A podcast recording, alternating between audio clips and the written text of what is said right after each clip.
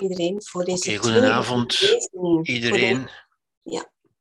Voor deze tweede lezing over depressie, deze tweede avond. En ik ga meteen naar het juiste plaatje gaan. Hier waren we gekomen. ik had u iets gezegd over depressie, althans de diagnostische criteria. Ik heb u niet gezegd, nog niet gezegd wat depressie eigenlijk is, maar ik heb u wel gezegd wanneer we over een depressie mogen spreken, volgens de huidige criteria, ja, de afspraken daaromtrent. Ik heb u dan ook uitgebreid het medische verhaal verteld, wat de medische wereld, wat de wetenschap voorgesteld heeft als verklaringsmodel. En ik heb ook iets gezegd over antidepressiva, over het gebruik en, het, en de werking of de niet-werking van antidepressiva. En ik had u gezegd dat we dus dat we daardoor eigenlijk min of meer in een impasse waren terechtgekomen, die we ook in de praktijk zien. We zien vele mensen, en ik ben zeker dat u er ook kent, die al heel lang behandeld zijn met antidepressiva zonder daar echt beter van te worden. En dat zal u nu wel duidelijker worden, want ik wil u nu de nieuwe inzichten geven. Nieuw, die zijn natuurlijk al een aantal jaren oud ondertussen, maar die zijn nog niet echt doorgedrongen, zou ik zeggen. Eh, het medische verhaal is nog altijd het dominante verhaal, zeker in de medische wereld, in de wetenschappelijke wereld. En het nieuwere verhaal is eigenlijk afkomstig van deze man, Martin Seligman. Een man die is geboren in 42, hij leeft nog altijd, zover ik weet. Een psycholoog. Vader van wat men de positieve psychologie is gaan noemen. Ja? Wat betekent positieve psychologie? Wel, dat betekent die discipline die aandacht besteedt aan mogelijkheden en welzijn in plaats van de focus te richten op ziekte. Ja. Um, de aandacht richten op ziekte, op al wat er verkeerd gaat, op al wat niet goed gaat. Dat zouden we dan de negatieve psychologie kunnen noemen, hè, maar dat wordt zo niet genoemd. Dat is eigenlijk de klassieke psychologie. De positieve psychologie richt daar aandacht meer op wat zijn de mogelijkheden, wat is het welzijn in feite. Ja? Het gaat dus niet alleen over het behandelen van pathologieën, van problemen, van, van ziekten, van aandoeningen, maar het verbeteren van het leven eigenlijk voor, voor iedereen. Iedereen kan daar zijn voordeel mee doen met de positieve psychologie. Het is dus een, een cultuur van inspiratie en creatie, vooral ook, en daar zullen we de nadruk nog op leggen natuurlijk. In plaats van een cultuur van genezing, van herstel of reparatie. Ja, dat zijn de oude woorden: genezing, herstel, reparatie, dus er is iets fout dat hersteld moet worden. Daartegenover staat de cultuur van de positieve psychologie, die meer gericht is op inspiratie en creatie. Ja. Waarop berust het in dit geval? Ik ga natuurlijk niet de hele positieve psychologie behandelen, maar wel wat heeft hij aangebracht voor dat waar wij het hier over hebben, over depressie. En met name, wat heeft Seligman daarin betekend? Seligman is dan ook de voorzitter geworden van de Amerikaanse Vereniging van Psychologen natuurlijk. Ja, hij is, is dat ook heel lang geweest. Maar zijn aandacht werd getrokken, zijn inzicht is eigenlijk gekomen, zoals dat vaak gebeurt, door een heel eenvoudige waarneming. Ja. Een waarneming die op zich ook al verschillende keren is, is gedaan, ook door andere mensen, maar waarvan hij op een bepaald moment de echte betekenis begrepen heeft. Ja? En dat is met veel ontdekkingen zo, zo gebeurd. Men, men heeft veel dingen al gezien tot iemand dat plots begrepen heeft wat het eigenlijk kan betekenen. En eens men dat begrepen heeft, eens iemand dat gezegd heeft, zegt natuurlijk iedereen van, ah ja, natuurlijk is het zo. Ja? Dan, is het, dan is het evident. Het is evident eens men het weet. Het is natuurlijk niet evident voor men het weet. Wat is de eenvoudige waarneming? Wel, het experiment bestaat uit, uit een heel eenvoudig iets, namelijk een kooi met daarin een hond, of meerdere honden zelfs. Ja, een, een gesloten kooi.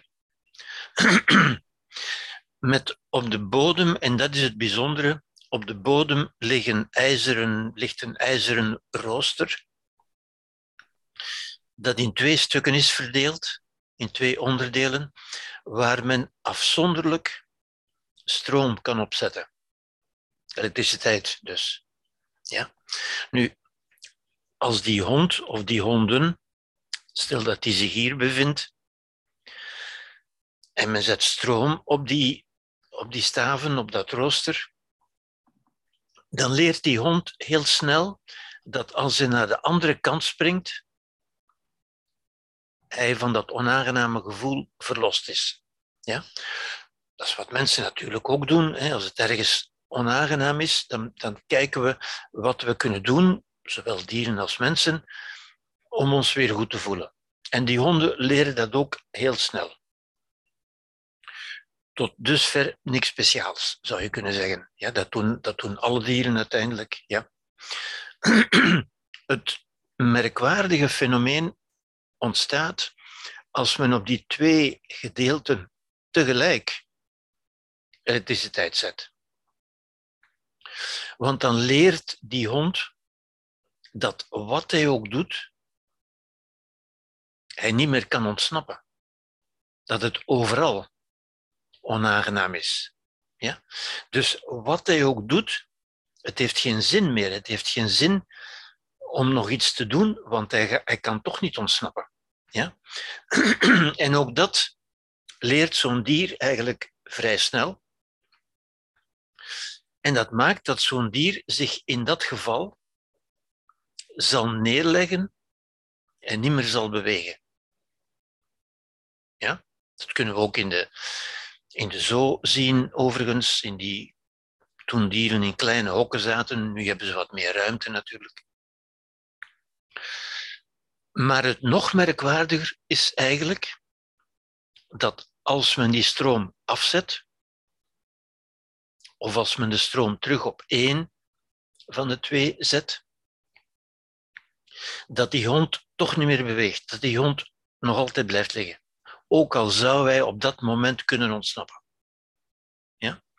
Nu, Seligman heeft begrepen, ik, ik hoop dat de opstelling voor iedereen duidelijk is. Ja? Seligman begreep, zag in dat dit een model was voor depressie.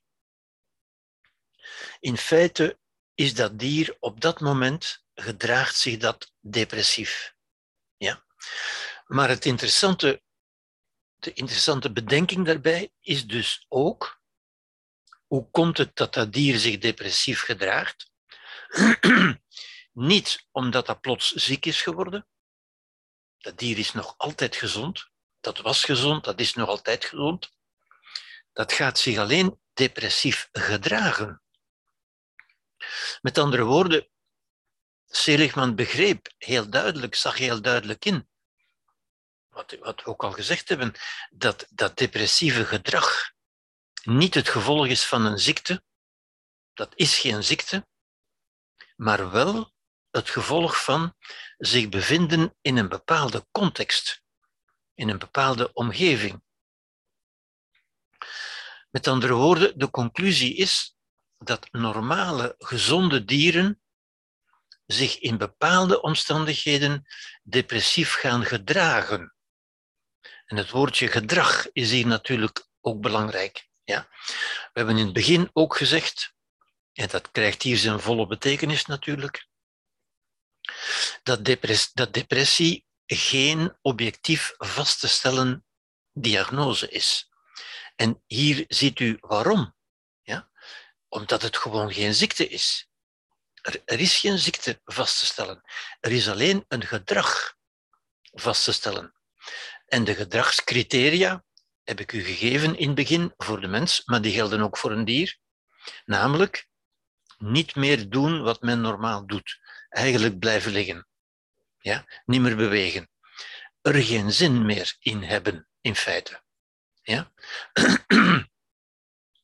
Die dieren hebben dus geleerd uit hun ervaring.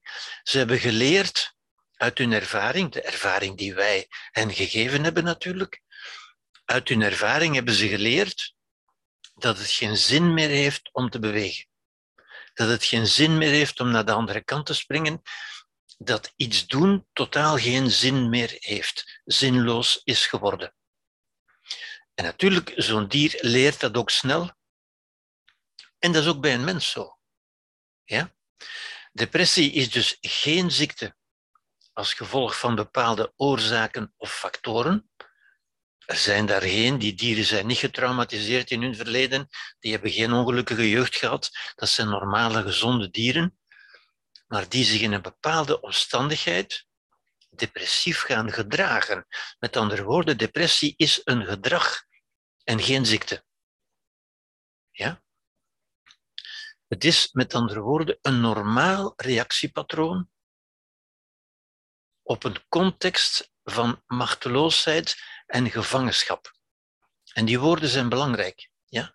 Dat dier zit als het ware gevangen.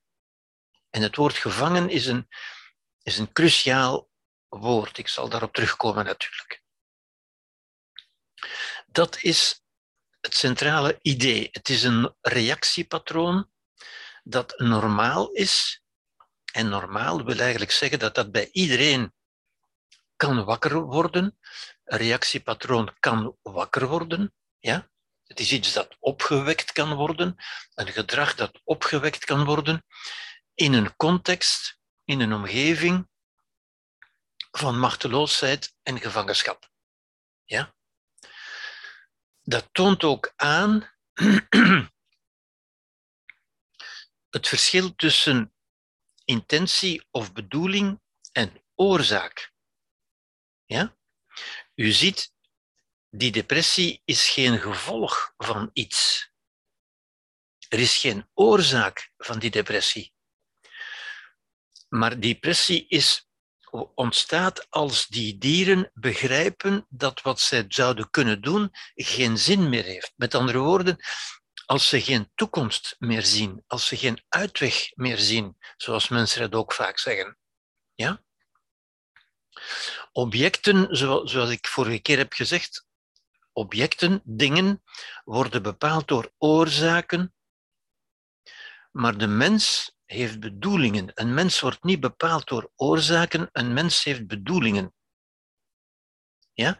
En u ziet, die dieren hier hebben ook begrepen, zowel mensen als dieren, begrijpen dat zonder toekomst, als je, als je geen toekomst, geen uitweg ziet, uit dat waar je in zit. Met andere woorden, als je gevangen zit, dan, heeft, dan is er geen doel.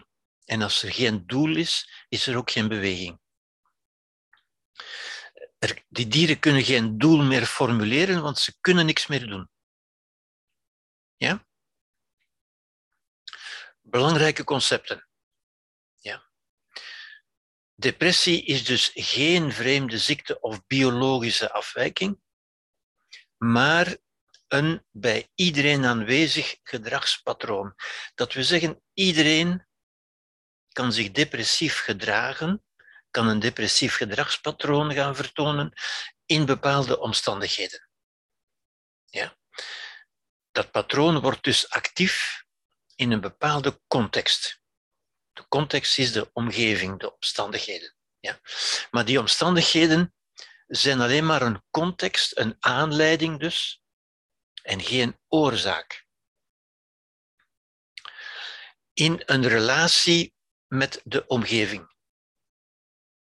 Context is ook een relatie met de omgeving, in een bepaalde omgeving, zou je kunnen zeggen. Ja? Waarin het idee van machteloosheid is ontstaan. En ik ga daarop natuurlijk nog terugkomen. Ja? Ik wil er onmiddellijk ook op wijzen dat machteloosheid, iets wat mensen vaak zeggen, geen gevoel is, maar een idee, een overtuiging, een geloof. Als men gelooft, zoals die dieren, ja, als men gelooft dat men machteloos is, en wanneer gelooft men dat men machteloos is? Wel, als niets wat men kan doen een uitweg biedt, een uitgang toont uit de situatie waarin men zit. Maar dat is dus een geloof, dat is geen gevoel. Ja? Men kijkt rond en men, men ziet, hier is geen uitweg. Dat is een conclusie. Ja? Het gaat om een gedragspatroon zoals lachen of huilen, of angst of kwaadheid of enthousiasme of verliefdheid. Ook dat zijn gedragspatronen ja, die bij de mens kunnen uitgelokt worden. Die bij iedereen aanwezig zijn. Iedereen kan angstig zijn, iedereen kan kwaad zijn en iedereen zal angstig worden of kwaad worden in een bepaalde context. Dat is niet de oorzaak, dat is wel de aanleiding. Ja? Een belangrijk onderscheid natuurlijk. Dat is ook zo bij dieren en ook bij kinderen. Ook kinderen kunnen depressief gedrag vertonen. Ja? Net zoals dieren.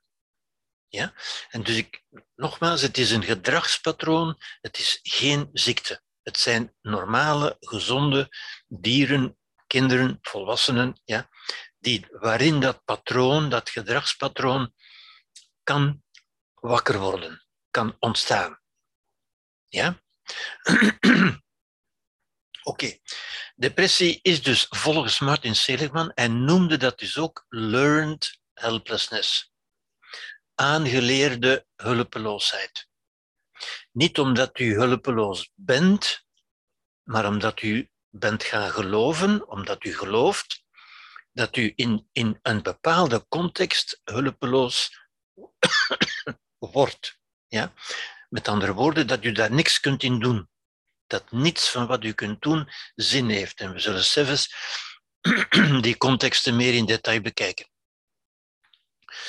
Het depressieve gedragspatroon, wat een beter woord is dan depressie, we moeten zeggen depressief gedragspatroon, wordt bevorderd door een bepaalde cognitieve stijl. Daarmee wil ik zeggen een bepaalde manier van denken, een bepaalde manier van, ja, van denken, van, van conclusies trekken.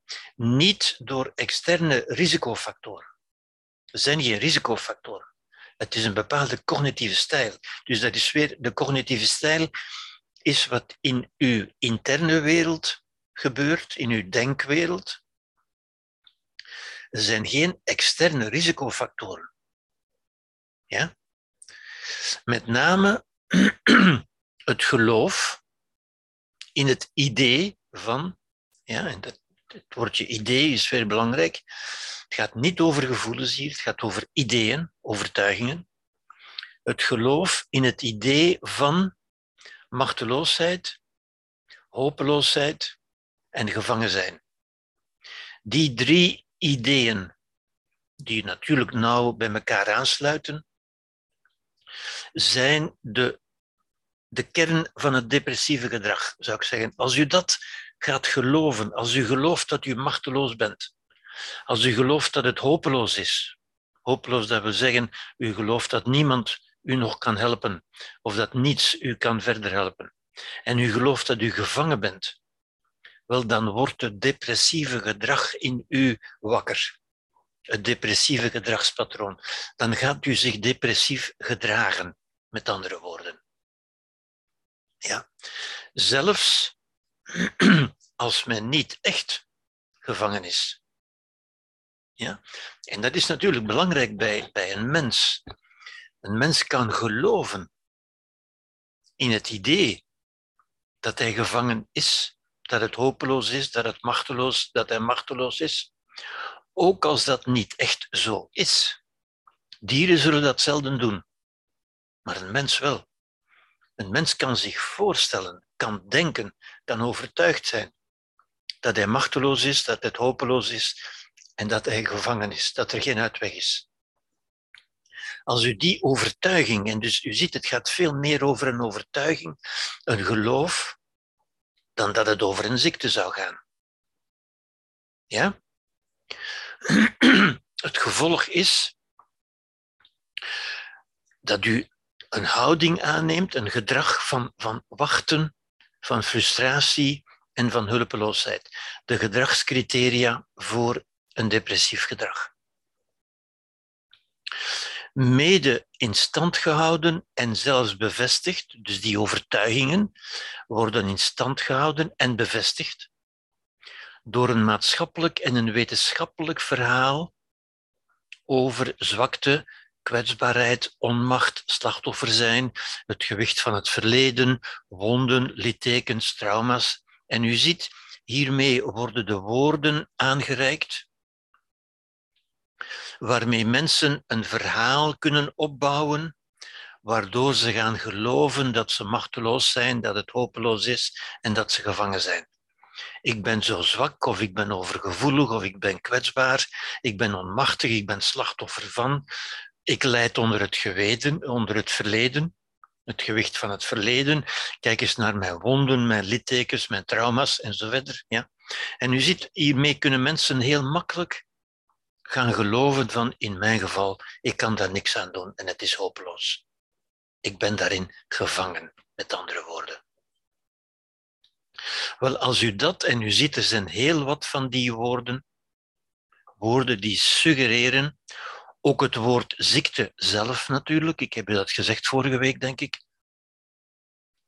Als u gaat geloven, als u al die belevingen hebt en u gaat geloven dat dat een ziekte is, het woord ziekte brengt met zich mee dat het iets is dat u overvallen heeft, dat, waar u in terechtgekomen bent, dat u getroffen heeft en waar u alleen maar met deskundige hulp eventueel zou kunnen uitkomen. En dat bevestigt dus het verhaal van machteloosheid, hopeloosheid, gevangen zijn. Dus je ziet, het gaat over een overtuiging, het geloof in een verhaal, veel eer dan over een ziekte. Ja. En door een psychologie, bovendien, dat zeggen de psychologen ons, hè, die de psyche en de vrijheid van de mens wegpsychologiseert.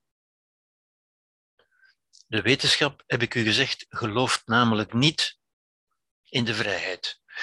Kan daar ook niet in geloven, want de wetenschap kan dat niet vaststellen. Dat is contradictorisch met de wetenschap, zoals ik het vorige keer heb, heb uiteengezet. Ja? De wetenschap zegt daarentegen, als dit en dat gebeurd is, dan zul je depressief worden. Ja. En door een mensbeeld en een wetenschap die eigenlijk de dood van de mens inluiden. De dood van de mens als mens. De mens wordt hier gereduceerd tot, tot een, een, een ding eigenlijk dat, dat passief wetmatigheden van de natuur zou ondergaan. Ja? Wat is die cognitieve stijl? Wel, Seligman zegt depressiviteit. Depressiviteit is de neiging om u depressief te gaan gedragen, wordt bepaald door een cognitieve verklaringsstijl. Dat is ook weer iets in onszelf, in uzelf. Een cognitieve verklaringsstijl, dat we zeggen een manier van denken, een manier om dingen te gaan verklaren. Ja? Met name, waaruit bestaat die cognitieve verklaringsstijl? Wel, er zijn twee grote categorieën, zou ik zeggen. De eerste categorie is die van de kwetsbaarheid. De tweede categorie is die van de veerkracht. Tegenover kwetsbaarheid kunnen we veerkracht stellen. Ja? Veerkracht is de kracht, de mogelijkheid om op te staan, om recht te staan als u gevallen zou zijn. Ja? Kwetsbaarheid is de zwakte natuurlijk. Hè. Wat zijn de overtuigingen? Wat is de verklaringsstijl die kwetsbaarheid in de hand werkt? Wat is de verklaringsstijl die veerkracht in de hand werkt? Ja? We kunnen daar een aantal begrippen bij zetten. Bijvoorbeeld, kwetsbaarheid ontstaat uit het oude brein, uit het voelen. Ja? Mensen zeggen dat ze voelen dat ze kwetsbaar zijn. Veerkracht daarentegen ontstaat uit het jongere brein, uit ons denken, uit ons inzicht, uit het begrijpen. Het begrijpen dat dit is iets wat mij overkomen is, maar wat ik aan kan. Dit is, ik voel dat ik gekwetst ben, dat ik uh, uh, ja, kwetsbaar ben geworden en dat ik dat niet aan kan. Ja? Met begrippen als interne oorzaak. De interne oorzaak is het gevoel van schuld. Het is mijn schuld. Ja? Als u de oorzaak bij uzelf legt, dan maakt u zich eigenlijk onmachtig. Daartegenover, veerkracht is, het is een externe oorzaak. Ja? De oorzaak ligt niet bij mij. Het is niet omdat ik zwak ben, het is omdat mij iets gebeurd is. Ja? Globaal, het globaliseren denken, dat gepaard, dat is ook het oude brein denken natuurlijk. Hè? Globaliseren denken is denken in termen van overal, altijd, iedereen. En dat is ook het, typische, het, emotionele denken, zou je kunnen zeggen. Ja? Als iets u overkomen is, dan kun je zeggen, ja, het zal altijd zo zijn, het zal overal zo zijn, iedereen zal zo zijn. Ja? Dan veroordeelt u uzelf tot kwetsbaarheid. Daartegenover staat het specifieke denken. Dat is het genuanceerde denken van het jongere brein, van de prefrontale cortex. Ja? Het genuanceerde denken. Dit is mij hier nu overkomen. Dat wil niet zeggen dat het mij altijd overal zal overkomen. Globaal is van ja, ik zal nu nooit nog een baan vinden, niemand zal me ooit nog graag zien en zo verder. Ja? Die voorspellingen, die, die sombere voorspellingen naar de toekomst. Permanent. Het zal altijd zo zijn. Tegenover, het is nu hier zo. Dit is een tijdelijk iets, het is nu hier zo, maar dat wil niet zeggen dat het altijd zo zal zijn. Permanent te denken is, het zal waarschijnlijk altijd zo zijn. Dat zal mij altijd wel overkomen. Onveranderlijk dat is omdat ik zo ben. Ja? Zie je, dat gaat samen met, met de interne oorzaak natuurlijk. Tegenover, dit is veranderlijk. Ik heb dat nu zo gedaan, ik heb mij nu hier uh, een bepaalde beslissing genomen die misschien niet zo goed was, maar dat is niet omdat ik zo ben. Ja?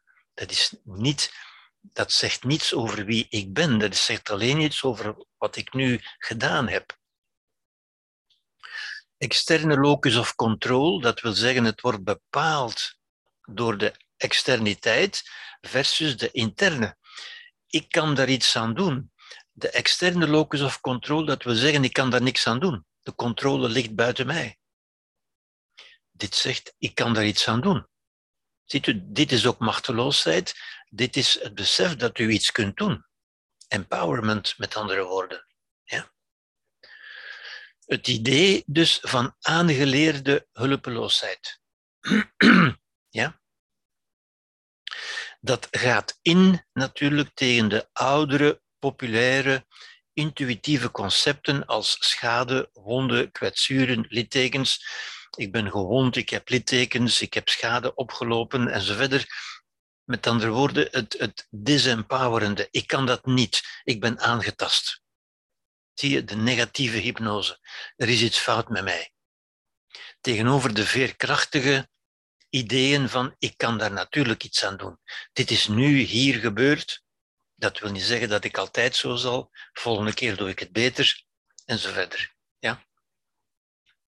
Dit zijn de kenmerken, zou ik zeggen, van, van wat uh, Seligman de cognitieve verklaringsstijl noemt.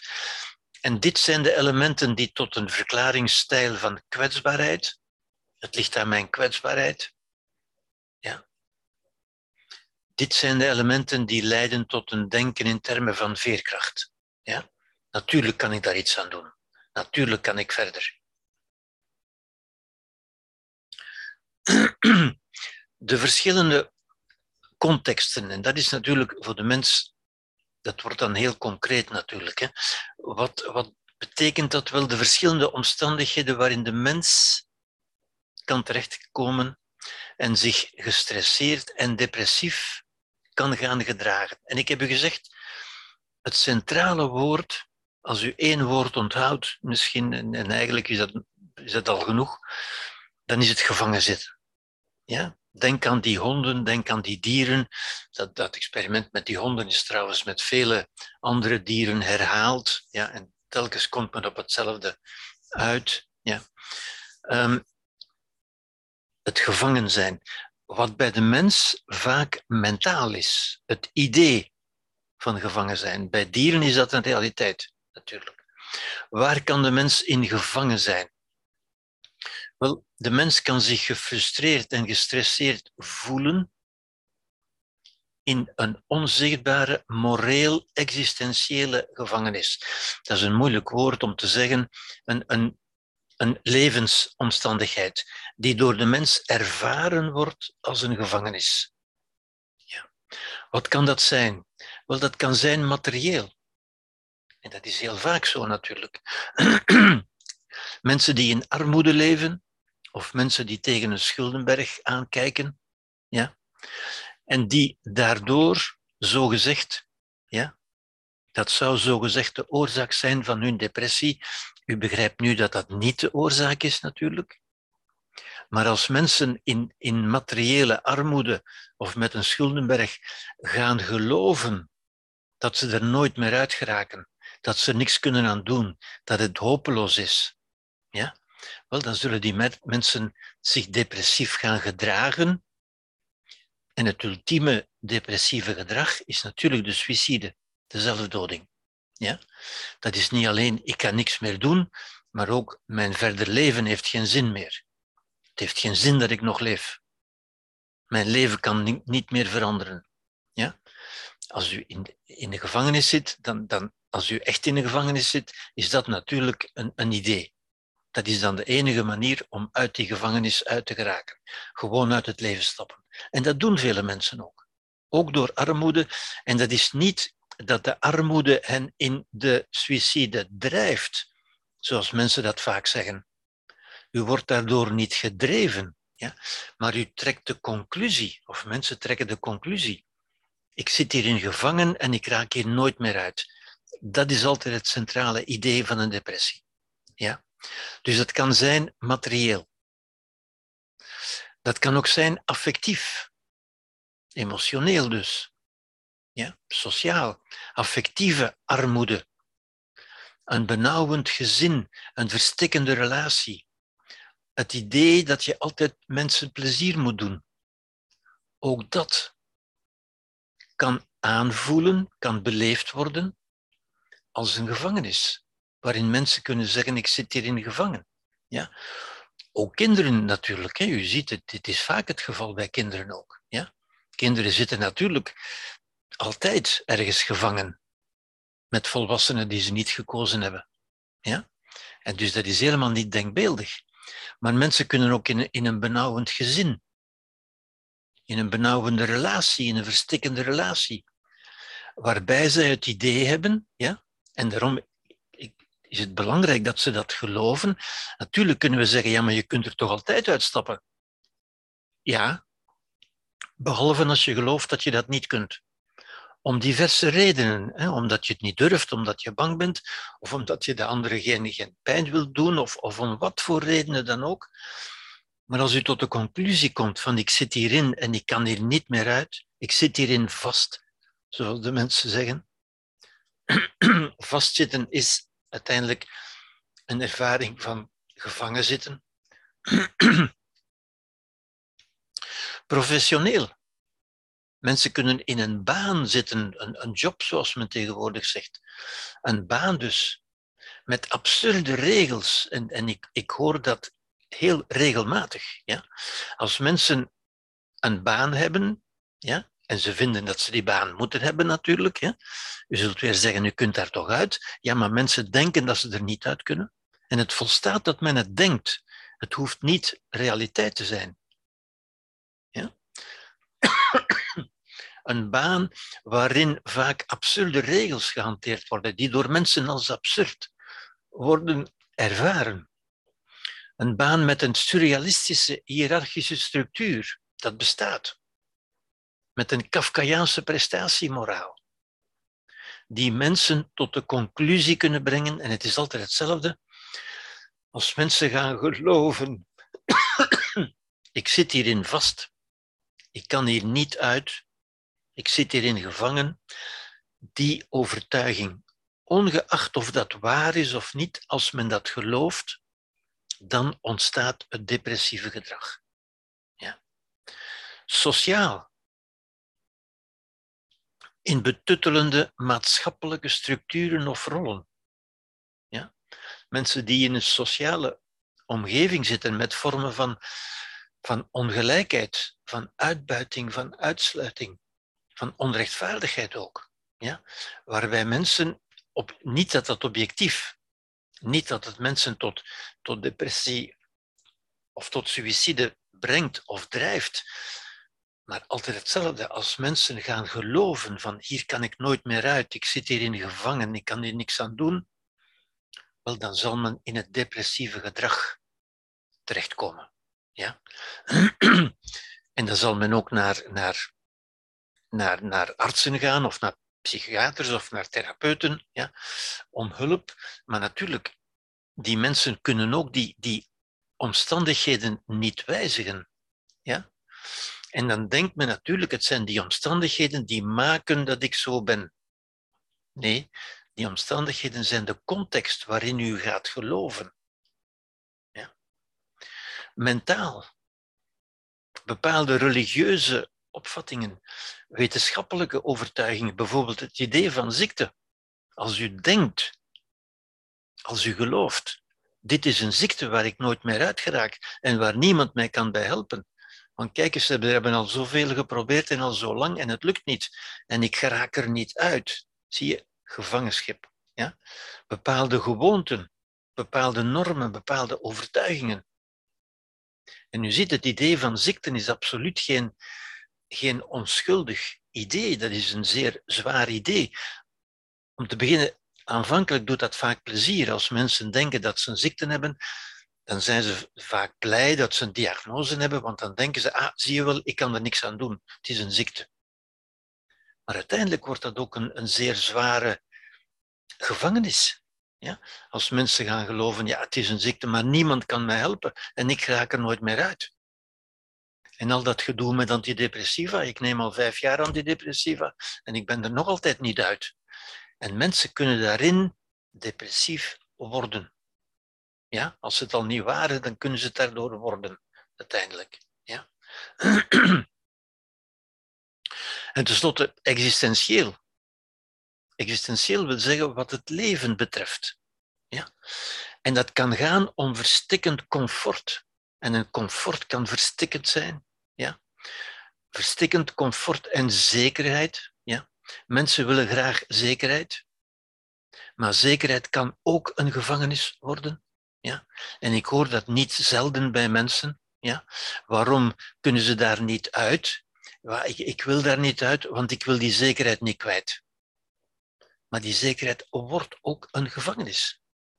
En ziet u, dan bent u weer bij het idee van, van gevangenis natuurlijk. Hè? Maar ook het omgekeerde. Zekerheid, maar ook de onzekerheid.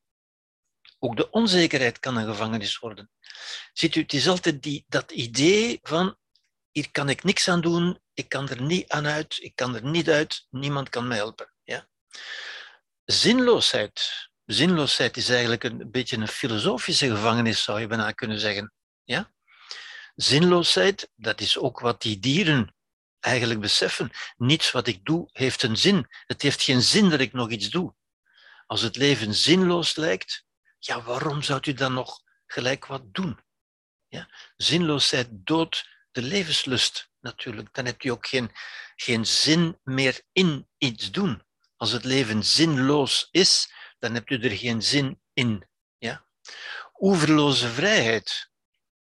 Ja? Uh, ik zeg altijd gevangenschap natuurlijk, maar zelfs oeverloze vrijheid, die wij nu, die mensen nu vaak hebben. Mensen nu hebben de, hebben de kans, hebben zoveel mogelijkheden. Vroeger was hun beperkt tot het, schematisch gezegd, tot het beroep van de vader. Men zette het beroep van de vader verder. Maar nu heeft, heeft men zoveel mogelijkheden, maar dus ook, ook zoveel keuze. En dus ook zoveel vrijheid en zoveel verantwoordelijkheid, dat dat op zich opnieuw een gevangenis kan worden. Ja? Ik heb niet alleen keuze, ik moet ook kiezen. En ik weet niet wat ik moet kiezen. Ja? En u kan weer hetzelfde, mensen kunnen zich daarin gevangen voelen, een verplichting waaraan ze niet kunnen voldoen, waar ze geen uitweg aan zien, tenzij depressie. Ja? Depressie is niet meer bewegen. Ik doe niks meer. Het heeft toch geen zin meer. Een gedrag, geen ziekte. Ja? Een, een eng zelfbeeld natuurlijk, als u gelooft, dat is wat u gelooft over uzelf. Als u gelooft dat u er niks kunt aan doen, dat u geen, geen mogelijkheden hebt, dat u, dat u niks waard bent en zo verder. Ja? Benauwende ideeën over de toekomst. Ja? Als u geen toekomst meer ziet, of als de toekomst u niet aangenaam voorkomt, als u er angstig voor bent, als u, als u die toekomst die u ziet niet wil en daar geen uitkomst aan ziet, ja. Beperkende ideeën over het verleden, over ziekte, dat heb ik al gezegd natuurlijk, over verslavingen. Ja. Verslaving is, begint vaak als een uitweg. Verslaving is een uitweg, laten we dat nooit vergeten. Mensen worden verslaafd aan iets omdat ze beginnen met te zoeken naar een uitweg. Het is een uitweg uit die gevangenis, of het is althans een verlichting van de beleving om gevangen te zijn. Maar het wordt natuurlijk zelf een gevangenis. Ja. Ideeën over ouder worden. Als u ouder wordt en u, en u kunt daar niet mee omgaan, dan kan ook dat een gevangenis worden. Uw lichaam, uw ouder wordend lichaam. Over de dood ook. Het feit dat u, dat u beseft dat u zult sterven, ook dat kan benauwend, gevangenzettend zijn. En dus u ziet al die, al die omstandigheden, en dit zijn omstandigheden, hè, contexten. Contexten van stress en depressie. Ja. Stress en depressie gaan natuurlijk samen, omdat het begint met stress, hè, zoals bij die honden in, de, in, die, in die proefopstelling. begonnen die honden met stress te ervaren, maar aanvankelijk konden ze die stress, stress is, het on, is een onwelzijn, die ze aanvankelijk konden oplossen door naar de andere kant te springen. Maar zodra men beseft van die stress, dat onwelzijn, kan ik niet meer oplossen, dan ontstaat het depressieve gedrag. Dan wordt het depressieve gedrag in ons wakker. Ja? Want nogmaals, het is een gedrag dat in ieder van ons aanwezig is, potentieel, maar dat wakker wordt in een bepaalde context die ik hier heb opgesomd, waarin we telkens gaan geloven, en het is dat geloof ja? En u ziet, dat is een heel ander verhaal dan het neurotransmitterverhaal natuurlijk. Ja? Dit is een existentieel verhaal. Het is wat u gelooft over het leven, over de samenleving, over uzelf, over uw kansen, over de toekomst en zo verder. Ja? En dat is de echte, dat is het, het, inzicht van, uh, van Zeligman natuurlijk, ja? dat hij dat begrepen heeft. Ja? Dit zijn allemaal omstandigheden waarin wij ons bevinden, zoals die dier, die honden in die, in die proefopstelling, waarin mensen tot, tot de conclusie komen, tot het idee, tot het geloof, ja, tot het verhaal. En u ziet dan ook, laat u meteen ook opmerken, dat een mens veel meer geleefd wordt door zijn verhaal over de omstandigheden, zijn interpretatie, zijn idee, zijn perceptie, zeggen we ook vaak, ja? zijn verhaal over de omstandigheden, dan door de omstandigheden als dusdanig. Ja? Het is wat wij geloven. Dat is de enorme kracht van het verhaal dat we onszelf vertellen. Ja? Goed. de realiteit, de contexten van depressie, wel, als we dat allemaal in hogeschouw nemen, ja, wel, dan kunnen we eigenlijk zeggen, dan moeten we eigenlijk zeggen, denk ik, ja, dat we leven in een cultuur van hopeloosheid. Ja? In een depressogene samenleving, zoals men dat zegt. Ja? Vele mensen leven hun leven als een gevangenis, als een straf, als een absurde ervaring, in existentiële frustratie op de rand van de depressie.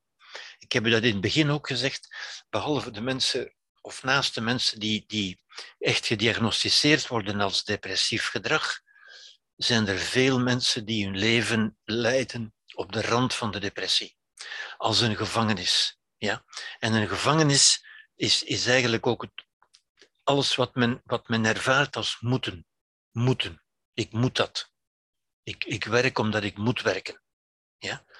Ook dat is uiteindelijk een, een, een dwingende, een gevangenzettende context. Ik leef in, als, als een straf. En vele mensen zeggen dat ook. Ja? Dat het leven als een straf is. Dat ze voor hun straf moeten gaan werken, bijvoorbeeld. En dat ze voor hun straf allerlei dingen moeten doen. Nu, als u dat zo beleeft, wel, dan staat u inderdaad op de rand van de depressie. En dan moeten we zeggen dat we, op de rand, dat we in een depressogene samenleving leven. Ja? In een context van experts en deskundigen, die dan afges, afgesneld, aangesneld komen om ons te genezen, om ons te helpen uit de depressie natuurlijk. Ja? De ervaring van depressie is een ervaring, een narratief. Narratief is een beetje een, filosofischer woord om te zeggen dat wat we onszelf vertellen, dat wat we onszelf voorhouden, dat wat we natuurlijk tegen anderen vertellen, maar wat we tegelijkertijd ook onszelf voorhouden. Ja? En als u de moeite neemt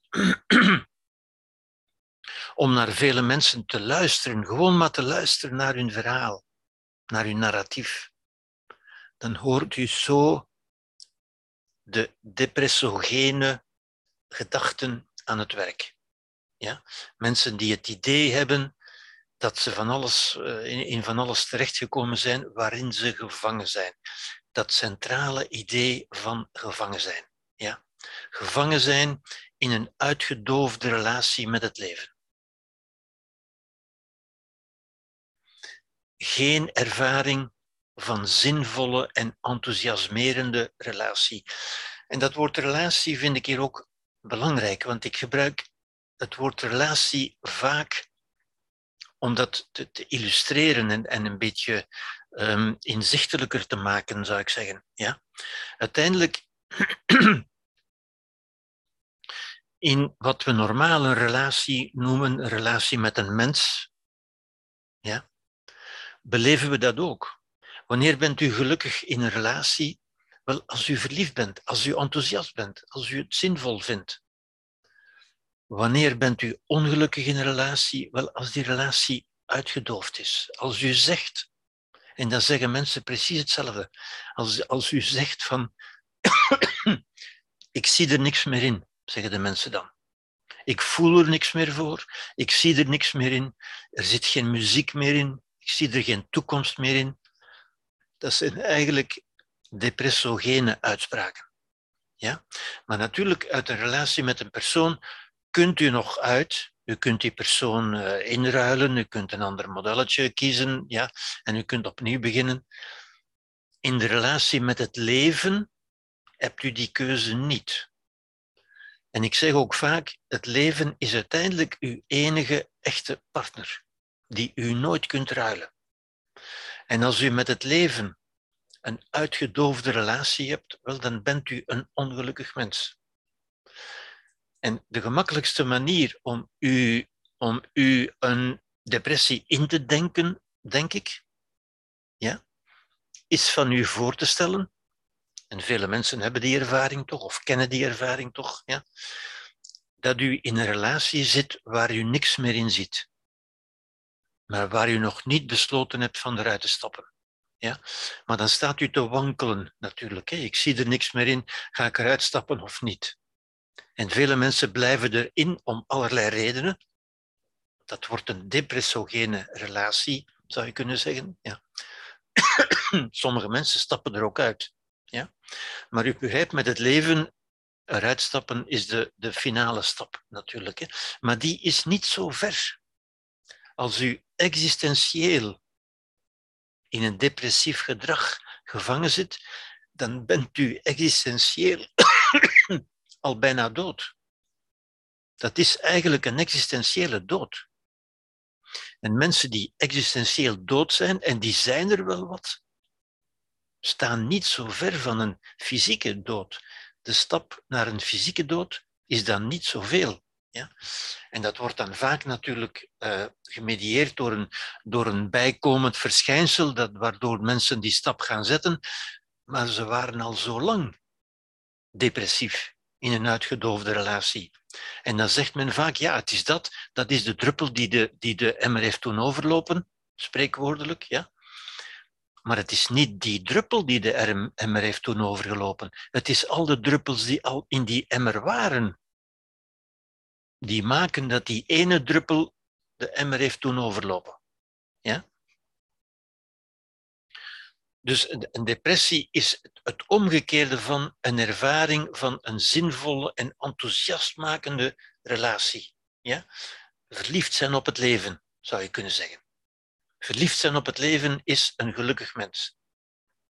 Een uitgedoofde relatie met het leven. En dan, die mensen zeggen precies wat alle mensen met een depressief gedrag zeggen. Ja? Het heeft geen zin meer, ik zie er niks meer in, ik zie er geen toekomst meer in, er zit geen muziek meer in, er zit geen leven meer in. Ja? En ik denk dat u dan begrijpt of begint te begrijpen wat een, wat een depressief gedrag eigenlijk is. Wat een depressie, zoals men zegt, eigenlijk is.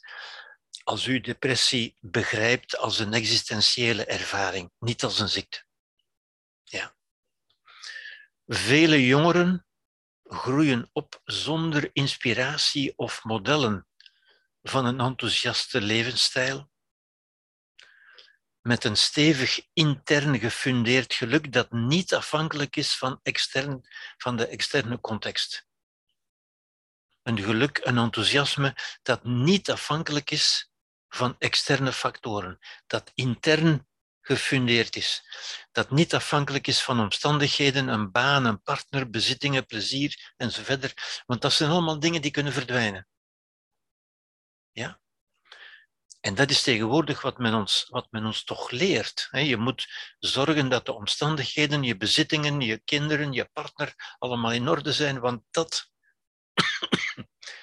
want dat maakt je gelukkig. Zie je, voor wie existentieel dood is, is suïcide maar een kleine stap. En nogmaals, het is niet die omstandigheden die u naar die suïcide drijven of, of die daar de oorzaak van zijn, maar uw geloof. Het geloof dat u er niet meer uit kunt, dat het u overvallen is, dat het niet eerlijk is, enzovoort, enzovoort. Ja. Dit is met andere woorden een, een beeld, zou ik zeggen, van, van een depressie. Ja. Een mens die denkt, terwijl er zoveel wegen nog naast zijn, hij zit helemaal niet gevangen, maar hij voelt zich hier gevangen.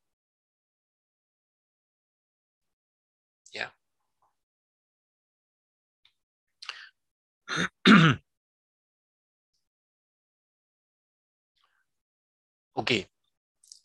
De gevolgen, en ik wil hier eventjes bij stilstaan. Ik heb in een van de vorige plaatjes gezegd, het begint altijd met stress. En ik wil u één, één plaatje tonen over stress, omdat dat zo belangrijk is in feite. Want stress is een beetje het centrale gegeven de centrale beleving van heel veel andere dingen. Ja. En ik ga nu niet uitgebreid over stress. Er zijn de gewone stressfactoren waar ik het nu niet ga over hebben, maar die natuurlijk aansluiten bij wat ik al heb gezegd. Hoge druk, relationele conflicten, kritiek, afwijzing enzovoort. De bekende stressfactoren. Ja. En de bekende factoren die stress verminderen, hè, minder belasting, meer draagkracht, sociale waardering enzovoort. Ja. Uh, die zijn bekend. Ik ga het daar nu niet speciaal over hebben, maar wel de belangrijkste zijn eigenlijk intern in ons. Niet wat buiten ons gebeurt, maar wat in ons gebeurt. De angst. De angst, vooral ook de woede, ja, die, um, die het gevolg is van, in dit geval, van in, in onze context, die het gevolg is van um, het opgesloten zijn. Het idee dat we gevangen zijn. Ja? Nu, dat, dat leidt dus in, in ieder geval, dat begint met stress. En van stress wil ik vooral hier de gevolgen bespreken. Ja? En zeker in, in de context nu is dat niet onbelangrijk, want stress is inderdaad een factor die bijvoorbeeld de immuniteit, de lichamelijke immuniteit, afremt, vermindert. Ja? Die ook lichamelijke problemen en ziekten kan veroorzaken. Die de cortex kan remmen. De cortex remmen wil zeggen ons denken afremmen, ons genuanceerde denken, ons veerkrachtige denken kan afremmen en die dus het emotionele denken stimuleert, het globale, het, het, het, um, het slachtofferdenken, ja, het kwetsbaarheidsdenken. Ja. Remming van de cortex, dat wil zeggen verminderde redelijkheid, vermindering van de psychische immuniteit. En je kunt zeggen, het, het veerkrachtig denken is een soort psychische immuniteit. Dat, dat maakt ons bestand tegen mogelijke problemen. Ja, dat is onze veerkracht uiteindelijk. Ja. Dat is ook, leidt ook tot frustratie. Frustratie is een vorm van psychisch lijden. Ja. Boos zijn. Gefrustreerd zijn is boos zijn ja, is, is stress en stress is frustratie. Ja. Die kan leiden tot verslaving. Verslaving, dat is niet de oorzaak daarvan. Dat is niet de oorzaak van verslaving. De oorzaak van verslaving is dat men weg wil uit dat lijden, uit die frustratie, uit die angst, uit die woede. Verslaving is een manier, een poging om te ontsnappen uit iets. Verslaving staat niet op zichzelf. Ja? En ik zou zeggen, dat is, dat is eigenlijk een, een, een stadium voor de depressie. Iemand die verslaafd is, die is nog niet in een depressief gedrag. Want voor iemand in een depressief gedrag is zelfs dat niet meer nodig, zou je kunnen zeggen. Ja? Burn-out, natuurlijk. Hè? Stress, burn-out, rechtstreeks verband natuurlijk. Ja? Burn-out is zeggen, ik kan niet meer, ik kan dit niet meer aan. En depressie, depressief gedrag, suïcide. Depressief gedrag, daar waar burn-out was, ik kan niet meer, is depressief gedrag, ik wil niet meer. Ik wil niet meer. Waarom niet?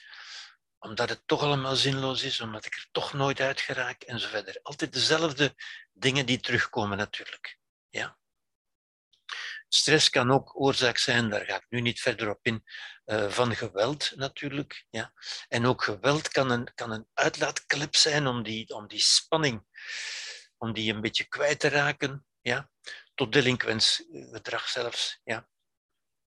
Oké, eh, het voornaamste wat ik hier wil zeggen is dat stress, de belangrijkste stress, ontstaat uit onszelf, angst en woede, uit onze emotie.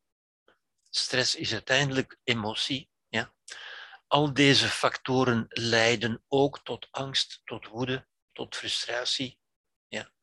En stress heeft enorme gevolgen voor ons leven natuurlijk. Hè? En is eigenlijk aan de, het, het belangrijkste centrale tussenstation voor zowel lichamelijk lijden, lichamelijke pijn, lichamelijk onwelzijn, als psychische vormen van lijden, zou ik zeggen. Ja? Goed, ehm, ik, uh, ja. we kunnen dus zeggen, nu heel in het algemeen, over onze existentie. Ja. Er, zijn, er is altijd de externe context, daar heb ik nu veel over verteld natuurlijk. Ja. Ik heb heel wat contexten beschreven. Dat is wat ik zou noemen de objectieve orde, dat zijn feitelijkheden. Dat is wat er. Dat is wat er is. Maar met die externe context, die een aanleiding is, die de vermeende oorzaak is, daarom staat het tussen aanhalingstekens, maar niet de echte oorzaak, zal daar straks op terugkomen. En daarmee doen wij iets, daarmee maken wij een interne context. Wij nemen dat in ons op en we trekken daar onze conclusies uit. En dat is de subjectieve, de imaginaire, de existentiële orde. Dat is de beleving die wij creëren aan, aan de hand van die externe context natuurlijk. Maar die externe context is niet de oorzaak, die is alleen de aanleiding, de context waarin wij die beleving gaan creëren. Ja? Met andere woorden, in ons, in ons hoofd, in ons brein, zeg maar. En van daaruit creëren wij in ons bewustzijn dus, ja, dat is onze betekenis, ons verhaal, ons gevoel, noemen we dat vaak ook. Maar dat gevoel is eigenlijk zelf al een gevolg van ons verhaal. En van daaruit creëren wij allerlei emoties en allerlei belevingen, die ik daarnet bij stress eigenlijk ook heb besproken. Ja. En de allereenvoudigste is angst.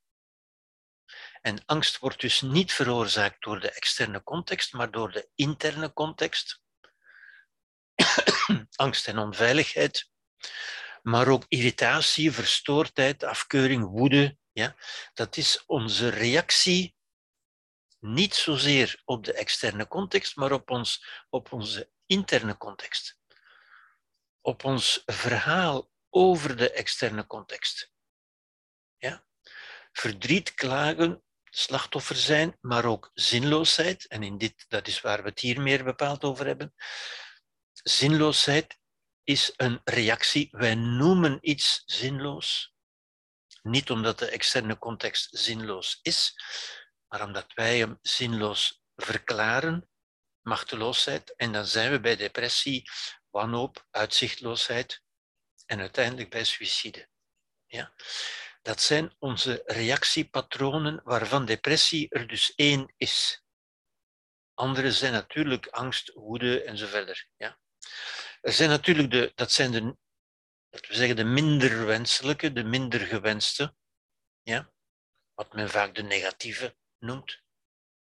Er zijn natuurlijk ook de meer wenselijke. We zouden ook kunnen, maar dat komt minder gemakkelijk. We zouden ook kunnen op dezelfde context op een andere manier reageren. We zouden ook kunnen met verrassing, met verwondering, met mededogen, met aanvaarding vooral. Ja. Maar ook met dankbaarheid, met bewondering, met enthousiasme. Ja? En uiteindelijk met levenslust en met geluk. En dan ziet u zowel die negatieve ervaringen, laten we zeggen die onaangename ervaringen. Op zich is dat niet negatief natuurlijk, hè, maar dat zijn onaangename. Als die aangename ontstaan in ons. Dat zijn reactiepatronen in ons. Het zijn ervaringspatronen of reactiepatronen, als u wil. Ja die wij normaal, en dat is de, de filosofische uitdaging, de filosofische inzicht dat we hier kunnen verwerven, ja? dat eigenlijk al die patronen uit ons ontstaan, niet uit de context. Ook geluk, ook levenslust, ook verliefdheid ontstaat uit ons. Niemand maakt ons enthousiast. Niemand maakt ons dankbaar, zoals niemand ons kwaad maakt. Niemand ons depressief maakt. Ja? Het essentiële inzicht is hier, al die patronen Want ook dit zijn patronen die in ieder van ons aanwezig zijn. Iedereen kan angstig zijn, iedereen kan kwaad zijn, iedereen kan ook blij zijn, kan ook dankbaar zijn. De vraag is, laten we die patronen bespelen door de externe context, of gaan we beseffen dat we die vanuit onszelf kunnen bespelen? Ja? En dat is natuurlijk het hele verschil tussen empowerment en disempowerment. Ja? Een depressief mens, die wordt depressief omdat hij gaat geloven, het geloof, ja? dat hij er niks kan aan doen. Die heeft als het ware zijn interne macht, zijn interne context nog niet ontdekt. Die denkt nog dat het allemaal door de buitenwereld bepaald wordt.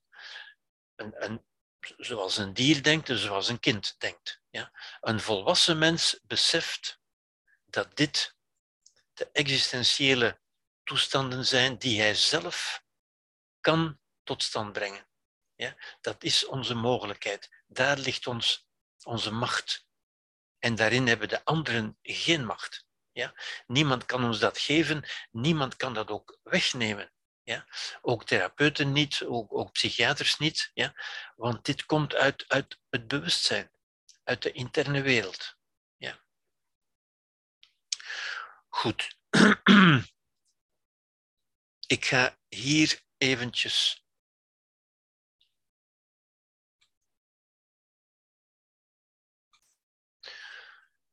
En dan ga ik uiteindelijk verder met wat ik noem het existentiële verhaal. Dus naast het medische, het wetenschappelijke verhaal is er dan ook het existentiële verhaal. Dat wil zeggen, ons belevingsverhaal. Ja, dat gaat niet meer over neurotransmitters, maar dat gaat over onze beleving. Ja. En dan kunnen we zeggen dat de fenomenologie van het lijden, dat we zeggen, wat is eigenlijk het lijden? Ja? Hoe ontstaat het eigenlijk? Wel, we kunnen zeggen, het ontstaat, het begint altijd bij iets in de buitenwereld natuurlijk, zoals ik daarnet heb gezegd, ja, de externe context. Daarvan maken wij, en dat is een essentiële stap die we niet kunnen overslaan of die we niet mogen overslaan. Wij maken daarvan een interne context en, en dit is essentieel. Ook het begrijpen van het verschil tussen de externe context en de interne context. Ja? Wij, de interne context is er een van betekenissen. Ja? Wat het betekent voor ons. Niet wat dit is, maar wat dit voor ons betekent. Ja? De interne context is in ons bewustzijn, in ons hoofd, zeg maar, zoals de mensen het meestal zeggen. Ja. En die bestaat niet uit de objectieve orde. De objectieve orde is hier buiten. De objectieve orde is objectief omdat ze door iedereen kan vastgesteld worden. Ja, daar kunnen we eigenlijk niet over discussiëren. Als iemand overleden is, dan is die overleden. Daar valt niet over te discussiëren. Maar de interne context is veel meer de betekenis die wij daaraan hechten. Wat dat voor mij betekent. Ja? Dit wordt vaak als de oorzaak gezien, omdat wij altijd naar de externe context kijken voor de oorzaak. Maar ik heb het weer tussen aanhalingstekens gezet, want dat is dus niet de echte oorzaak, dat is de context, dat is de aanleiding, als u wil, de feitelijkheid, de aanleiding. Ja? Maar wat er veel belangrijker is, is wat er in de interne context gebeurt. En daar ontstaan wat we noemen de imaginaire, de existentiële orde, onze voorstellingen, onze ideeën, onze betekenissen. Ja? En daarin bestaat heel vaak ook evolutionair een pessimistische mindset. Wij kunnen heel makkelijk, en dat doen we ook, omdat we ook biologisch zo voorbeschikt zijn, evolutionair, een, een negatief oordeel vellen. En het is belangrijk om dat te weten. Wij zijn allemaal een beetje negatief geprimed. Ja? Omdat het natuurlijk belangrijk is van negatieve dingen op te merken. Negatieve dingen zijn gevaarlijke dingen. Ja? Die gevaar zijn voor onze overleving. Ja? Maar dat negatief oordeel kan ook vaak bestaan uit woorden als verlies, mislukking, tegenslag, belediging, gemis, trauma enzovoort. Ja? En het is belangrijk dat u opmerkt weer dat dit geen feitelijkheden zijn, maar overtuigingen, geloven. De objectieve feitelijkheid is waar niemand kan over discussiëren, omdat iedereen het kan vaststellen. Ja? Als iemand overleden is, dan is die persoon overleden. Daar kan geen discussie over bestaan. Maar of dat een verlies is, daar kan veel discussie over bestaan. Voor mij is dat misschien een groot verlies, voor iemand anders een veel kleiner verlies en nog iemand anders eh, blijft er onverschillig door. Ja? Er zijn elke dag mensen die sterven, buitengewoon veel mensen die sterven, eh, die wij niet als verlies ervaren. Maar bepaalde mensen, daarvan zullen we zeggen dat is een verlies. Ja? Dat verlies is voor mij. Die, die dingen worden vaak voorafgegaan, die uitdrukkingen worden vaak voorafgegaan door voor mij. Voor mij betekent dat, ja, de feitelijkheid bestaat niet voor mij, die bestaat voor iedereen.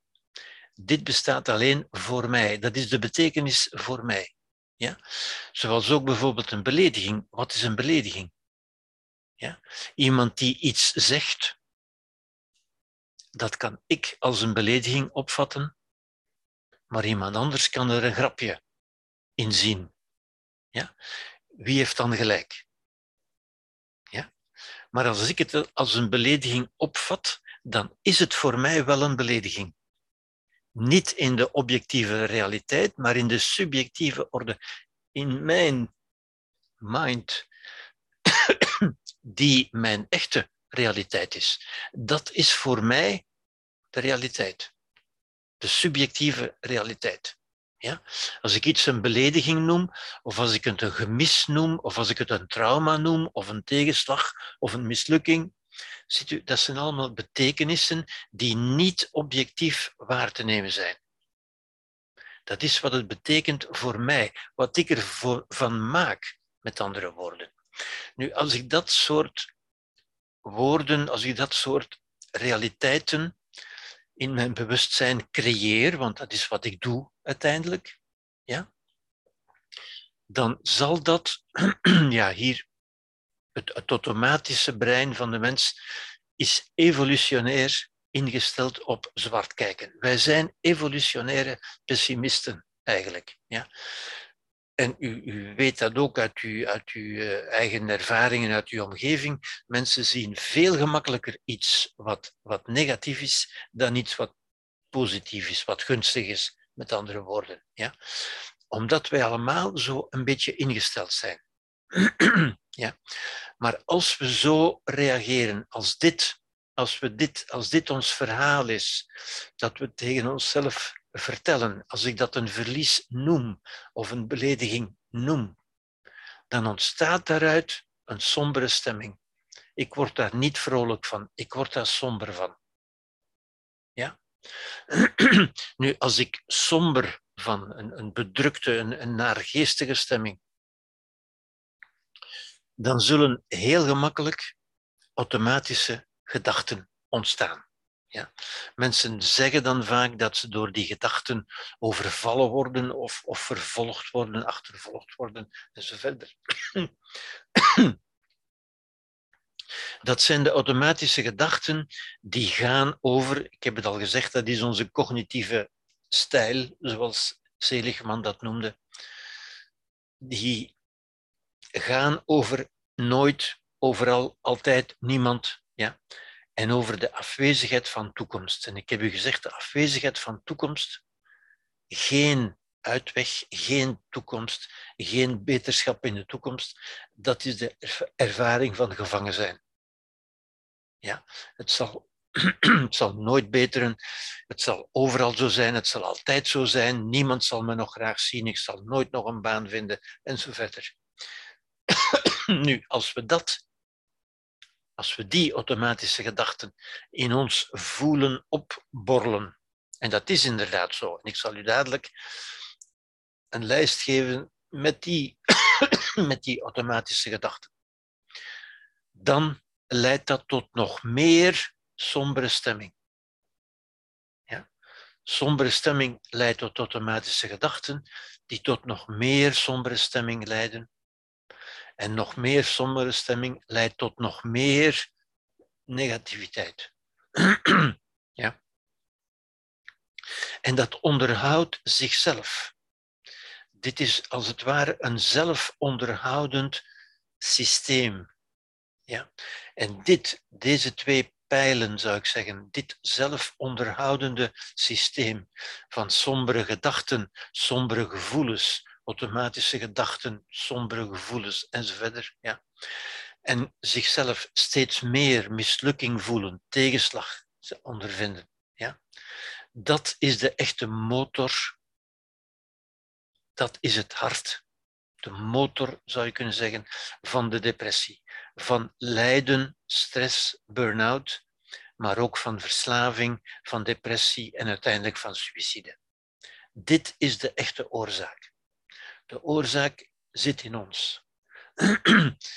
dit is de aanleiding, dit is de trigger, zou je kunnen zeggen, die die motor in gang heeft gezet. Die motor is aangeslagen, ja? maar dit is de echte oorzaak.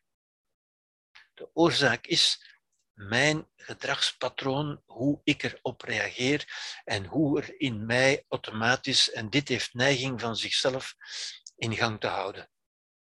En als dat blijft doorgaan, leidt dat inderdaad tot depressie. En dat is op zichzelf, want mensen gaan dan zeggen, nu heb ik niet alleen een verlies gehad of een mislukking gekend of een tegenslag, maar nu ben ik nog depressief geworden ook.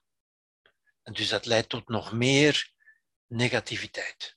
Ja, ze zijn, zeggen ze, in een depressie gevallen met het idee van hier kan ik nooit meer uit en niemand kan mij helpen. Zie je nooit overal altijd. Het zal altijd zo zijn. Ik heb geen toekomst meer. De gevangenis sluit zich. Ja. en als u dat gelooft, en dat is het essentiële. Hè? Het is dat geloof daarin. Het is die overtuiging. Ook als je niet echt gevangen zit, ook als er niet, geen echte mislukking is, en, en zo verder, hè? maar het geloof daarin. Ja? Dat is dus de echte motor, zou ik zeggen, van de depressie.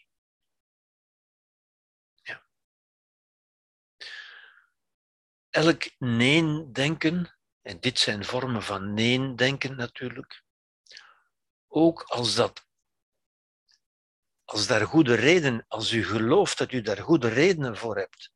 Ja? En mensen geloven dat natuurlijk. Hè? Ze geloven dat ze beledigd zijn.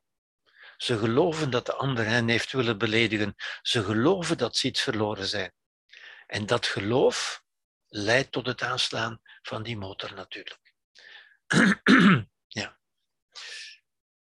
Automatische gedachten en mensen met een depressie, en dit is een, een officiële lijst daarvan, die bij in vrijwel alle gevallen bij mensen opkomen. Een aantal daarvan. Ja. Waarom? Wel omdat dat ook onze sociale clichés zijn. Omdat dat is wat we hebben leren denken.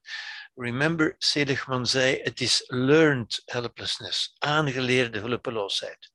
En dit zijn gedachten die we ook leren, die we ook voortdurend horen, die we ook als kind in ons opnemen. Ook die gedachten zijn in ons aanwezig. We moeten die niet gaan zoeken, die zijn al in ons aanwezig. We hebben die geleerd met de taal. En die komen in ons op. Ja? En die gedachten die in ons opkomen, hebben we vaak neiging om te geloven natuurlijk. En u zult er vele van herkennen. Dat is, iedereen is tegen mij. Ja? Ik ben slecht.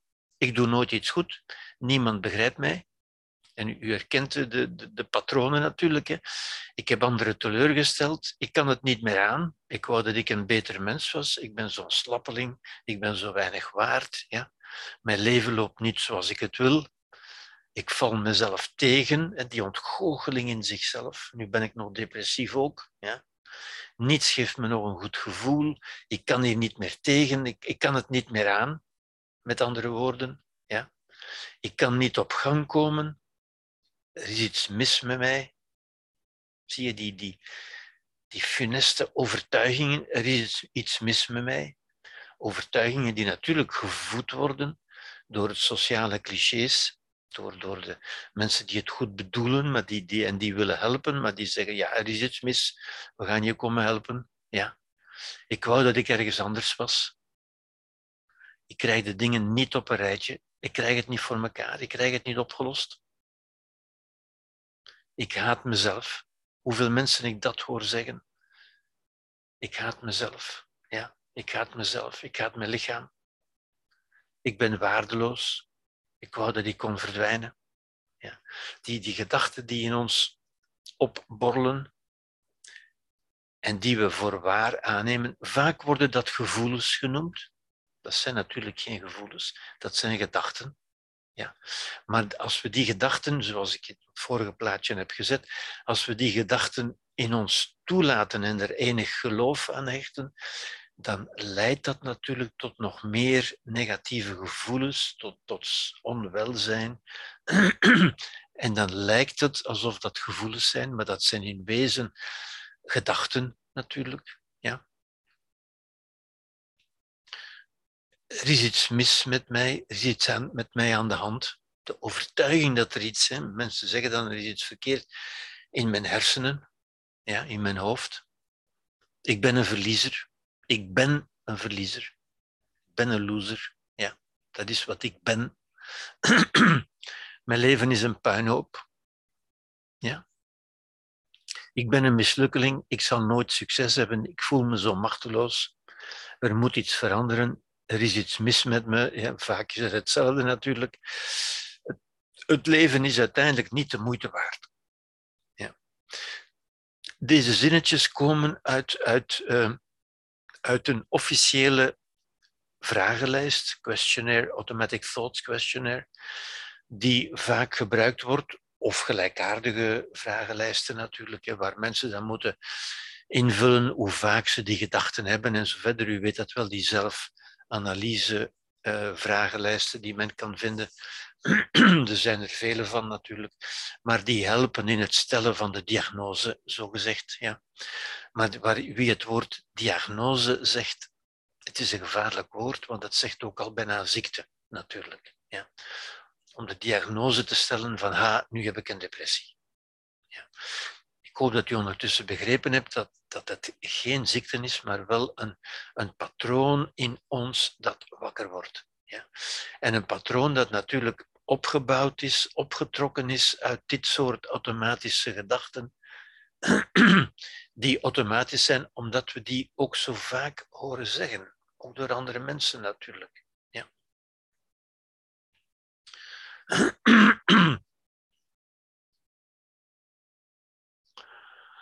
Oké. Mensen denken dan dat ze te veel denken. Ook dit is een frequent gehoord idee, natuurlijk. Ja? Mensen denken dat ze te veel denken. Ja? Uh, ik, ik hoop dat u begrepen hebt dat is natuurlijk die, die, die motor die ik daar straks getoond heb. Hè. Mensen zitten daarin vast, zeggen ze. En ze denken dat dat, dat dat betekent dat ze te veel denken. Dat ze moeten proberen minder te denken. En dat wordt soms zelfs door, door professionelen gezegd. Je moet minder nadenken. Ja? Nu, minder nadenken, dat, dat kan men natuurlijk niet. Ja? Uh, je kunt denken niet met denken bestrijden. Ja? Je, je, kunt niet, je kunt niet stoppen met denken. Zeker niet op deze manier. Ja? Je kunt wel beseffen dat je in een tunnelvisie zit, in een bepaald verhaal, met andere woorden. Ja? Een, een negatief verhaal dat naar naar beneden leidt, leidt op die lijst van de, van de existentiële ervaringen. Een tunnelvisie die zegt dat ze geen keuze hebben. Het geloof, het verhaal. Ja? Dat er geen toekomst is. Vaak bevestigd door anderen. Niet zelden door professionelen. Ja. Vrienden begrijpen, en dat begrijpen is natuurlijk een valkuil, begrijpen en bevestigen ons verhaal omdat we die vrienden juist daarom gekozen hebben. We kiezen vaak mensen die ons zogezegd begrijpen, maar die door dat begrijpen eigenlijk ons verhaal ook bevestigen. Mensen die dat niet begrijpen, die een ander verhaal vertellen, daarvan zeggen we ja, die begrijpen wij niet, dus die vermijden we. Mensen die ons tegenspreken, die ons niet bevestigen, want mensen zoeken vaak bevestiging juist. Ja? Maar daardoor consolideren ze ons in dat funeste denken eigenlijk. Ja. Dat geldt ook voor zelfhulpgroepen en sociale media. Zelfhulpgroepen die vaak ja, zelfbeklaggroepen zijn, waar mensen inderdaad begrip vinden en erkenning vinden, maar waar ze ook bevestigd worden in hun negativiteit, in hun depressiviteit. En hoe erg het wel is en hoe moeilijk het wel is om eruit te komen en zo verder. En waar men zich overgeeft aan het sociale beoordelen van zelf, van, van hulpverleners, van wie een goeie is en wie geen goeie is en zo verder. En welke antidepressiva wel werken en niet werken en wat de bijwerkingen zijn en zo verder.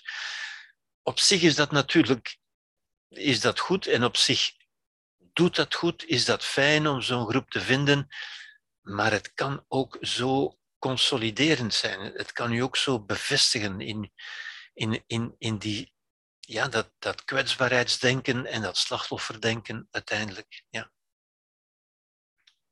Dat geldt ook vaak voor therapeuten en professionelen, ja, die dat vaak ook bevestigen. Ja, dat is zo, je hebt die ziekten en dat is zo. Ja. Idem voor gevoelens die het verhaal bevestigen. Mensen zeggen, ik voel dat zo. Natuurlijk, ze voelen het zo, omdat ze het verhaal zo vertellen. Ja? Maar voor de mensen bevestigt dat gevoel het verhaal. Het is juist, want mijn gevoel bevestigt dat. Maar de gevoelens worden juist bepaald door het verhaal. En dat is de wijsheid die vele mensen missen, natuurlijk. En ze hopen dan maar dat hun gevoelens zullen veranderen, maar die zullen niet veranderen zolang men hetzelfde verhaal blijft vertellen, natuurlijk. Ja? En dan zijn we weer bij hetzelfde idee. Hè? Mensen zitten gevangen in een mentale malware, noem ik het hier, een, een, een, een kwaadaardige software eigenlijk. Een beetje zoals een virus. Ja, het is zoals een virale infectie eigenlijk. Hè. Ons brein is eigenlijk geïnfecteerd, sociaal, educatief, met, met malware. Dat wil zeggen software die ons kwaad doet, die ons geen goed doet. Ja. En die maakt dat we dit verhaal gaan bevestigen. Mensen proberen dan hun negatieve gedachten weg te denken. En dat is natuurlijk een valkuil. ja? U kunt gedachten niet wegdenken. Ja? Dat is onmogelijk, omdat negatief zijn over negatieve gedachten, dat betekent nog meer negativiteit. En het idee van te veel denken. Ja? Ik leid aan te veel denken. Ik heb een brein dat te veel denkt, zeggen mensen. Ja? Nu, dat, dat kan natuurlijk niet. En, en mensen denken soms dat ze eruit geraken en dat ze meer moeten voelen in plaats van denken. Ook dat is niet waar. Want wat je voelt is juist wat je denkt. Je verhaal bepaalt wat je voelt. Ja? Dus dat is geen oplossing, dat is geen uitweg. Ja? En deze onmogelijkheid leidt tot nieuwe negatieve gedachten van waarom ben ik toch zo negatief? Hoe zou dat toch komen dat ik zo negatief ben? Ja. En dat begrijpt u, daar komen mensen inderdaad niet meer uit. Ja. Als men dat probeert te, te herstellen of te, of te genezen, dat, dat lukt natuurlijk niet. Zeker niet met medicatie. Er is geen enkele medicatie, zoals ik het u daar straks heb gezegd, een depressie is eigenlijk een ontgoocheling over die partner die het leven is. Ja? Men is, men is, um, men ziet er niks meer in, men voelt er niks meer voor. Ja? Nu, als u dat vergelijkt met de ontgoocheling over een menselijke partner, over een relatie, dan begrijpt u toch ook dat er geen enkel antidepressivum is of een ander geneesmiddel dat u terug verliefd zou maken. Dat, dat kan niet. Ja, daar lacht u mee natuurlijk, want dan begrijpt u dat dat niet kan. Ja? Op iemand uitgekeken zijn, op een, op een relatie uitgekeken zijn, er niks meer in zien, is geen ziekte. Het is een state of mind. U, bent het beu, u bent erop uitgekeken. Ja? En nogmaals, in, in een menselijke relatie kunt u natuurlijk een nieuwe partner kiezen, maar in een existentiële, in relatie met uw leven, u kunt geen ander leven kiezen. En uw omstandigheden zullen niet vanzelf veranderen. Ook uw verleden zal niet vanzelf veranderen. Dus dat is niet de oplossing natuurlijk. Ja. Het leidt van het idee, het leidt tot het idee van ergens in te zitten. En dat is wat mensen zo vaak zeggen. Ik zit in een depressie. Nee, nee, tegenwoordig is het altijd, ik zit in een zware depressie. Ja. En ik raak daar maar niet uit. Ziet u? Echt het idee van gevangen zijn. En dat idee is juist het centrale element in een depressie. Dus ik hoop dat u een beetje het, het hoe zou ik het zeggen, het, het zelfonderhoudende, de self-fulfilling prophecy, het, het, het automatische ronddraaien, het in een cirkeltje draaien ja, van die mensen.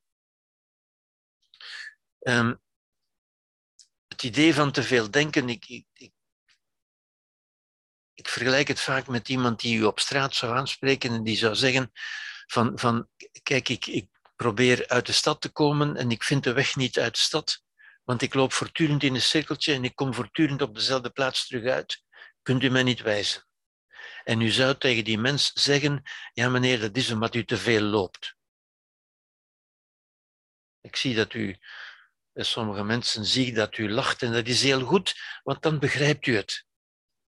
Het is niet omdat die mens te veel loopt, maar omdat hij niet goed genoeg loopt.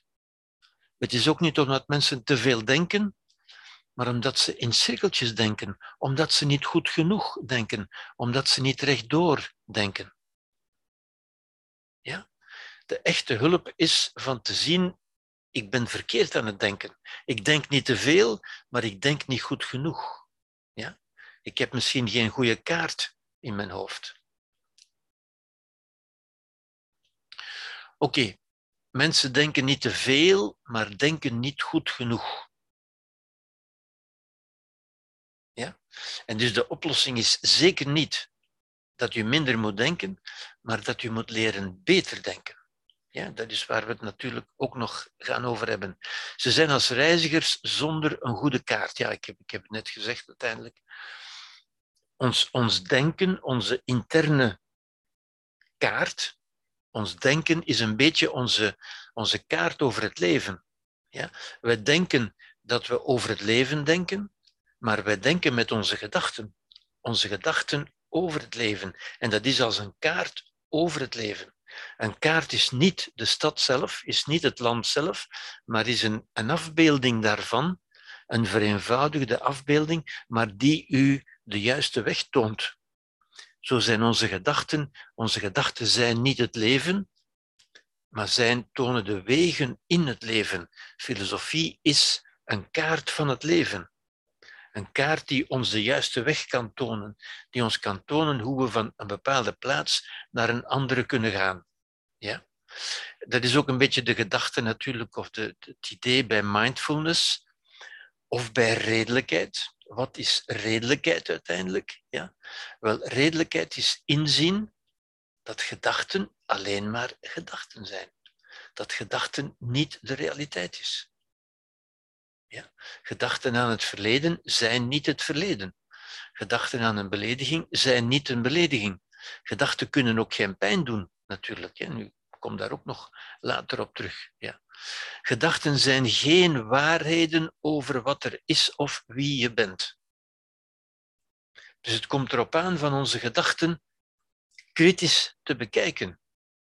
Ben ik wel goed aan het denken? Is het wel waar wat ik denk?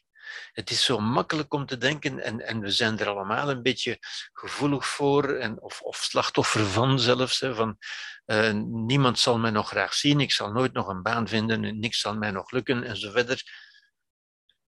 Maar ondervraag die gedachtenis, is dat wel waar? Hoe weet je dat? Hoe kun je de toekomst zo voorspellen? Ja? Dat is de goede weg natuurlijk. Daar gaan we het nog over hebben. Je bent niet je gedachten, je bent de denker van je gedachten. Goed, um, het is nu kwart over negen. Ja, er komt nog in, in dit verband komt er, zoals u ziet, een filosofisch intermezzo, maar dat zal ik voor volgende week houden. Ik zou het hier willen afronden voor vanavond.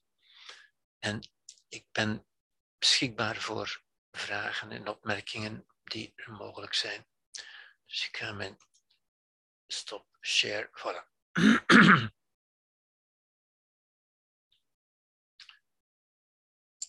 Mm Oké. We hebben nog even de tijd voor een aantal vragen. Ja. ja. ja.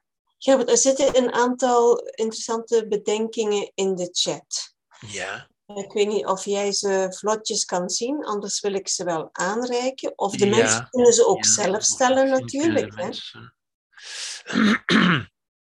Ik zou al graag willen beginnen met de eerste die er ligt. En dat, ja, van, ja. Ik weet niet of Hans de vraag zelf kan stellen. Maar het gaat over het potentieel van ons, het vermogen van elk mens heeft elk mens hetzelfde vermogen? Maar misschien kan je de vraag zelf even stellen, Hans. Ja, u ergens in het begin van de lezing deze avond stelde u van uh, het geloof in het idee van. En ik probeerde dat te vertalen, is dat hetzelfde als uh, je eigen denkpatroon.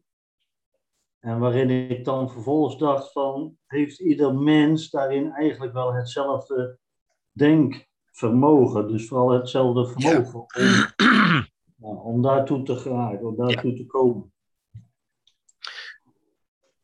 Wel, ik, ik denk dat wat ik hier nu gezegd heb, dat, dat voor alle aanwezigen hier en, en voor een normale mens verstaanbaar genoeg is en binnen het redelijk denkvermogen van, van ieder mens ligt uitzonderingen niet te nagesproken. Mensen met een heel beperkte IQ, met verstandelijke beperkingen, daar wil ik het nu niet over hebben, maar een normaal mens kan dit volgen. Ja? Als u deze lezing hebt kunnen volgen, dan hebt u voldoende denkkracht om dat te kunnen. nu, als ik het u voorstel als een kaart, vele mensen hebben, een, een, een, hebben niet de juiste kaart over het leven, hebben niet de juiste kaart van de stad. En die kaart kunnen we natuurlijk niet, kan niet iedereen zelf aanmaken. Die kaart moeten we van iemand krijgen. Dat is de wijsheid van het leven die we van iemand moeten aangereikt krijgen. We kunnen niet zelf alle wijsheid terugbedenken die ooit in het leven al bedacht is. Maar we kunnen ze wel begrijpen. Ja? Zoals we de stelling van Pythagoras kunnen we, kunnen we begrijpen. We moeten ze niet zelf opnieuw uitvinden, want ze is al uitgevonden. Ja? We krijgen ze cadeau mee van Pythagoras. Zo krijgen we ook van vele mensen wijsheid mee in het leven. En natuurlijk, een mens kan dat niet voor zichzelf allemaal opnieuw bedenken. Maar daarom zijn we ook met meerdere. Daarom zijn we samen en we kunnen mensen inspireren, dat heb ik u ook gezegd. Het gaat over inspireren, zodanig dat ze zelf een betere weg kunnen bedenken, kunnen vinden, zou ik zeggen. Ja. Maar de mensen, mensen worden meer beperkt door wat ze geloven over de realiteit dan door de realiteit zelf of dan door hun reële denkvermogens. Is dat een antwoord op je vraag, Hans? Jazeker, dank u. Zeker. Ja. Maar nogmaals, als u ziet dat het daarover gaat, ja, dan helpen we mensen niet met antidepressiva, maar wel met betere ideeën. Het probleem is natuurlijk, of, of een probleem is, dat, dat is natuurlijk niet zo makkelijk. Een pilletje geven is makkelijk, maar mensen anders doen, of mensen uitnodigen of, of, of inspireren om anders te denken, is niet zo eenvoudig. Ja? Omdat mensen, iedereen, wij allemaal, we denken allemaal dat we het juist begrepen hebben, dat we het goed begrepen hebben. En we zijn allemaal een beetje weerspannig, een beetje recalcitrant, zou ik zeggen. Een beetje, we, we, we, we balen er een beetje van, van te moeten toegeven dat ik het misschien niet zo goed begrepen heb, dat ik me vergist heb. Niemand doet dat, dat graag. Wel in het... Niemand doet dat graag. En mensen verdedigen ook hun visie. Hè? En daarom heb ik ook de nadruk op gelegd, mensen verdedigen hun visie, hun gedachten, bijvoorbeeld met, met het idee van ja, maar het is zeker waar, want ik voel het zo. Omdat mensen niet beseffen, niet genoeg beseffen, en dat is ook onwetendheid, dat is geen domheid, dat is onwetendheid. Dat ze niet beseffen dat onze emoties, wat wij voelen, bepaald wordt door wat wij denken. Als we iets een belediging noemen, dan gaan we ons beledigd voelen. Als we iets een verlies noemen, dan gaan we het als een verlies voelen. Ja? Maar mensen zeggen, nee, nee, het is een belediging, want ik voel het. Het is omgekeerd. Je voelt het omdat je het zo genoemd hebt. En dat is toch wel een, een, een, een moeilijkheid hoor, bij mensen. Want mensen verdedigen natuurlijk. Hè. Mensen geven echt niet graag toe dat ze dat ze het niet goed begrepen hebben en mensen verdedigen inderdaad hun, hun, hun visie, hun idee. Ja? Ze verdedigen dat niet alleen, ze maken daar ruzie over, ze maken daar zelfs oorlog over. Maar, Gerard, het, het lijkt wel alsof in deze huidige tijd er een, een kwantitatieve toename dan is van mensen met, met een depressie, ja. maar er een collectieve afname is van, van het vermogen om nou ja, eh, zo te denken zoals u. Nee, dat is niet het vermogen om te denken. Dat vermogen is zeker niet verminderd, maar het is wel zo dat, dat, we, dat we vele negatieve boodschappen krijgen die we, die we gaan geloven, natuurlijk. Ja? En dat, dat mensen ja, er is dat inderdaad wat ik dat discours noem, het, collectieve verhaal over de kwetsbaarheid van de mens, over de angst die, die, die, die, die heerst, die toeslaat en zo verder. Ja? Over het feit dat, dat we slachtoffer zijn van en dat we gemaakt worden door en zo verder. Ja?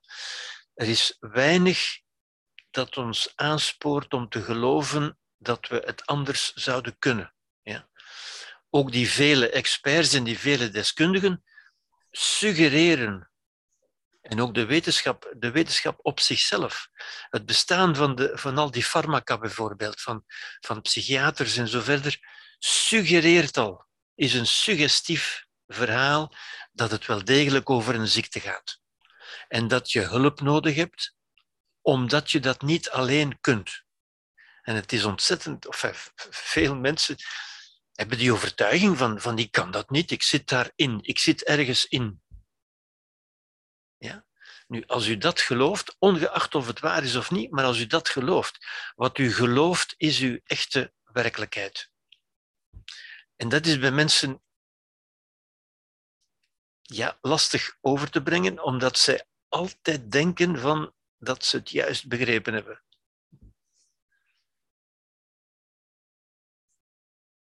Ja.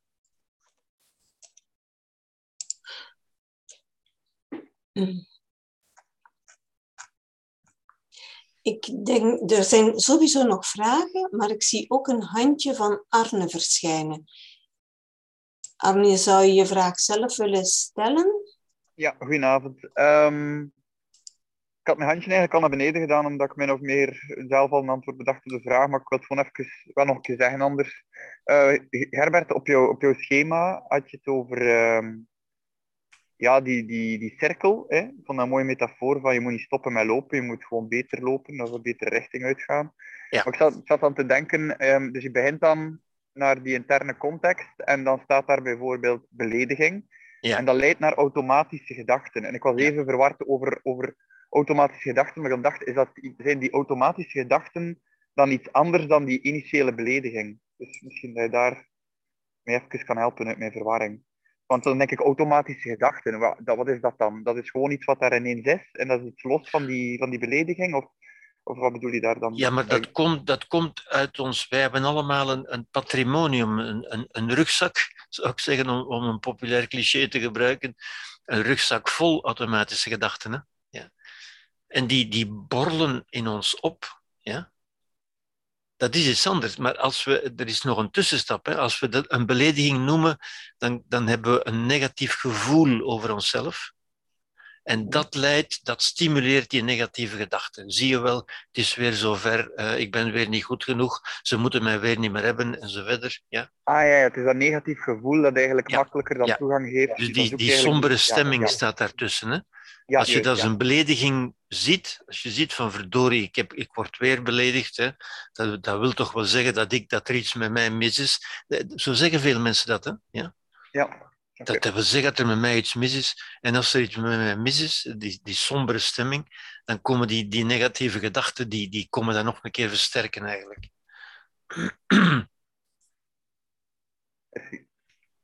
En het is dat dat automatische systeem, dat is een systeem dat in werking schiet. Een motor noem ik het. Ja. Van dingen die elkaar versterken en die uiteindelijk leiden tot, tot depressie of tot verslaving. Hè, tot gaan. Verslaving die altijd een poging is om eruit te blijven natuurlijk. Die een poging tot oplossing is. Ja, ja. en uh, het is waarschijnlijk uh, iets wat je wel de volgende keer gaat aankaarten, maar het kan hopelijk ook in de omgekeerde richting werken ja. dan? Ja, ja, daar ga ik het volgende keer over hebben natuurlijk. Ja. Maar het is belangrijk om te begrijpen hoe het werkt eigenlijk, wat de echte oorzaak is. En dat de echte oorzaak zit in onszelf. Ja? Gewoon al het feit dat, dat eenzelfde omstandigheid sommige mensen tot, tot, tot, zeg maar, tot depressie zal brengen en anderen niet. Ja?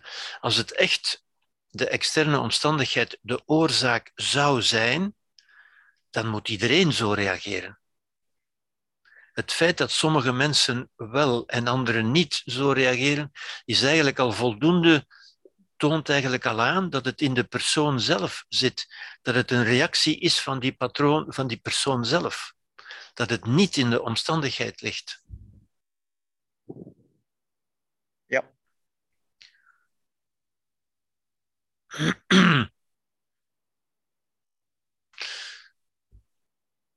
het enige wat het moeilijk maakt, is dat het, dat het ingaat tegen, ja, tegen wat we denken te weten.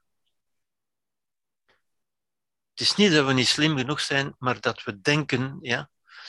Mensen zeggen, zeggen bijvoorbeeld ook, ook zo'n een woord bijvoorbeeld, van ja, uh, ik voel dat het energetisch is. Het is energetisch bij mij. Bij mensen die vaak niet eens weten wat energie eigenlijk betekent. Hè? Maar, maar ze, ze weten dat en ze voelen dat dan ook. Ja, ik voel dat. Nu, dat, dat, is, dat is heel moeilijk, hè? want die, die zitten vast, die zitten inderdaad gevangen. Ja? Die zitten gevangen in een weten. Ja? Ik ben echt wel heel benieuwd naar de volgende week van hoe dat je mensen dan daaruit helpt en zo. Ja. Of hoe dat mensen eh, zichzelf daaruit kunnen helpen. Ja. Ik zie een handje van Bart. Daar. Ja, Bart N. Ja, uh, goedenavond allemaal.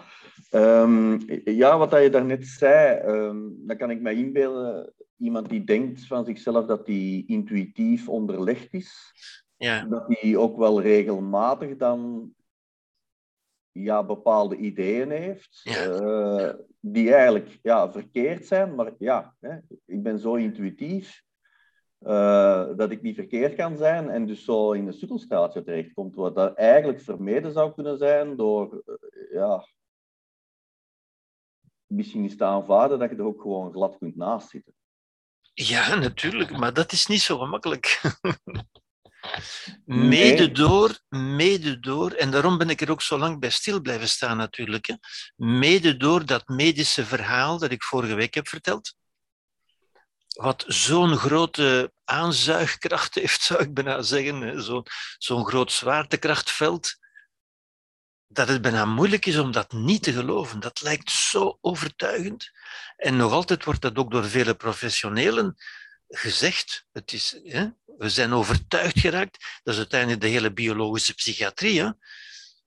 Het, het is omdat er iets?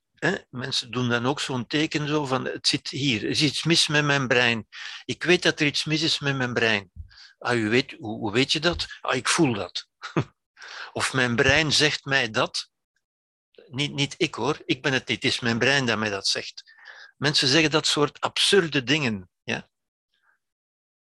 Maar die ze denken te weten. Ja? Dat is onwetendheid door vast te zitten in iets wat men denkt te weten. En mensen zijn zo, ja, ze zijn zo mondig tegenwoordig. Ze hebben zoveel woorden gelezen in de, in de media en in de kranten.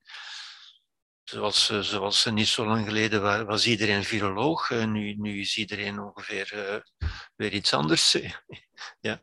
Maar mensen weten het altijd. Mhm. Ja. Je haalde dat ook aan in die slide over externe en interne context. En ik had me daar eh, de bedenking bij gemaakt, is dat dan eigenlijk het maken van veronderstellingen. Hè? Dus ik ervaar dit of ik zie die persoon. Uh, ik, ik nog altijd. Uh, Bart en. Ah, ah ja, oké. Okay, Ik ben aan het woord, de, de beweger hier. Ja, ja, oké. Uh, ja, dus je had het over uh, externe context en interne context. Ja. En wat ik me daar dus bij afvroeg, is, dat is eigenlijk dan het, het maken van veronderstellingen ja. over de beweegredenen waarom ja. dan mensen iets doen of, of zeggen of enzovoort. Oké, okay. dan had ik nog één, één vraag, dan zijn jullie van mij vanaf. Hè. op de slide van, van Martin Selig. Um, Seligman, één ja. aspect dat ik niet zo goed begreep. Um, dus je hebt die twee kolommen, kwetsbaarheid en, en, en veerkracht. Ja. Uh, en bij kwetsbaarheid staat dan interne oorzaak schuld en dan uh, externe uh, oorzaak bij veerkracht. Ja. En dan heb je die externe locus of control ja. en interne ja. locus of control. En ja, ja ik, ik snapte niet zo goed eigenlijk van oké, okay, de interne oorzaak, ja. we dan de schuld bij onszelf leggen, leidt tot kwetsbaarheid. Ja, als je dat nog even zou kunnen verduidelijken, ja. dat zou mij enorm deugd doen. Uh, Wel, dat gaat inderdaad over de oorzaak. Ja? Als je zegt, het, is, het ligt aan mij, je geeft jezelf de schuld eigenlijk. Ik zie dat je nog ja. iets zegt, maar ik hoor je niet meer. Ik hoor je niet meer, Bart. Ik zei gewoon, ik zei gewoon ja. ja. Het lijkt alsof je een heel verhaal afsteekt. Mhm. Ik denk dat je je antwoord mag geven, Gerbert. Ja. Want het beeld blijft een beetje hangen, dat is alles. Nou, ja, ja, ja, ja. Dus het ene gaat over de oorzaak. Het, het, is mijn, het is omdat er met mij iets mis is. Ja. Het andere, de locus of control, is wie kan er iets aan doen? Wie heeft er controle over? Het ene is, het, het ligt aan mij en ik kan er niks aan doen. Dat is een, een interne oorzaak, maar een externe locus of control. Het moet, iemand anders moet mij daarvan verlossen. Want ik kan er niks aan doen. Ja? Ik kan het niet verhelpen, met andere woorden.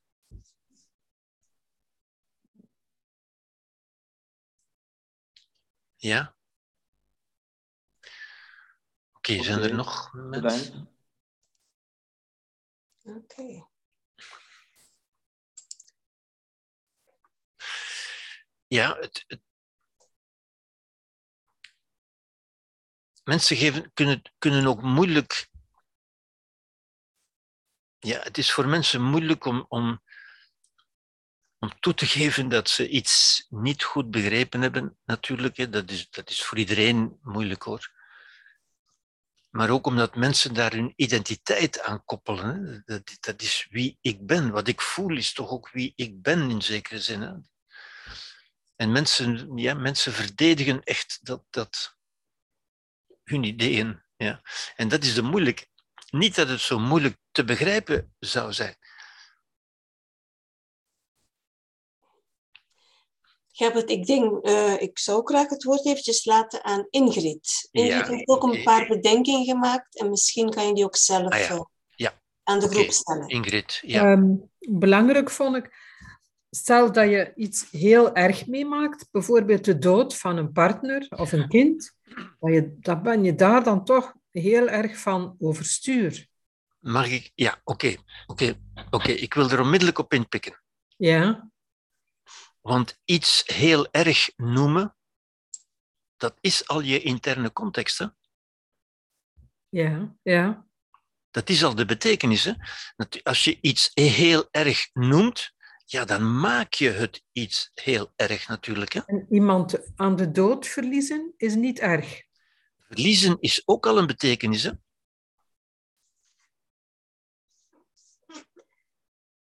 Ah ja, ja.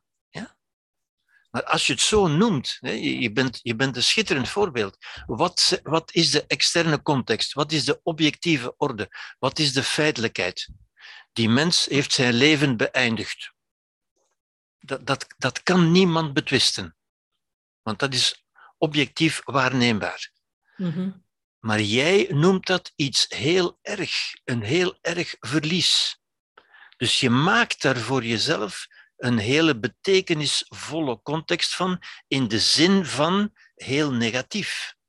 Je creëert daar een negatieve belevenis over.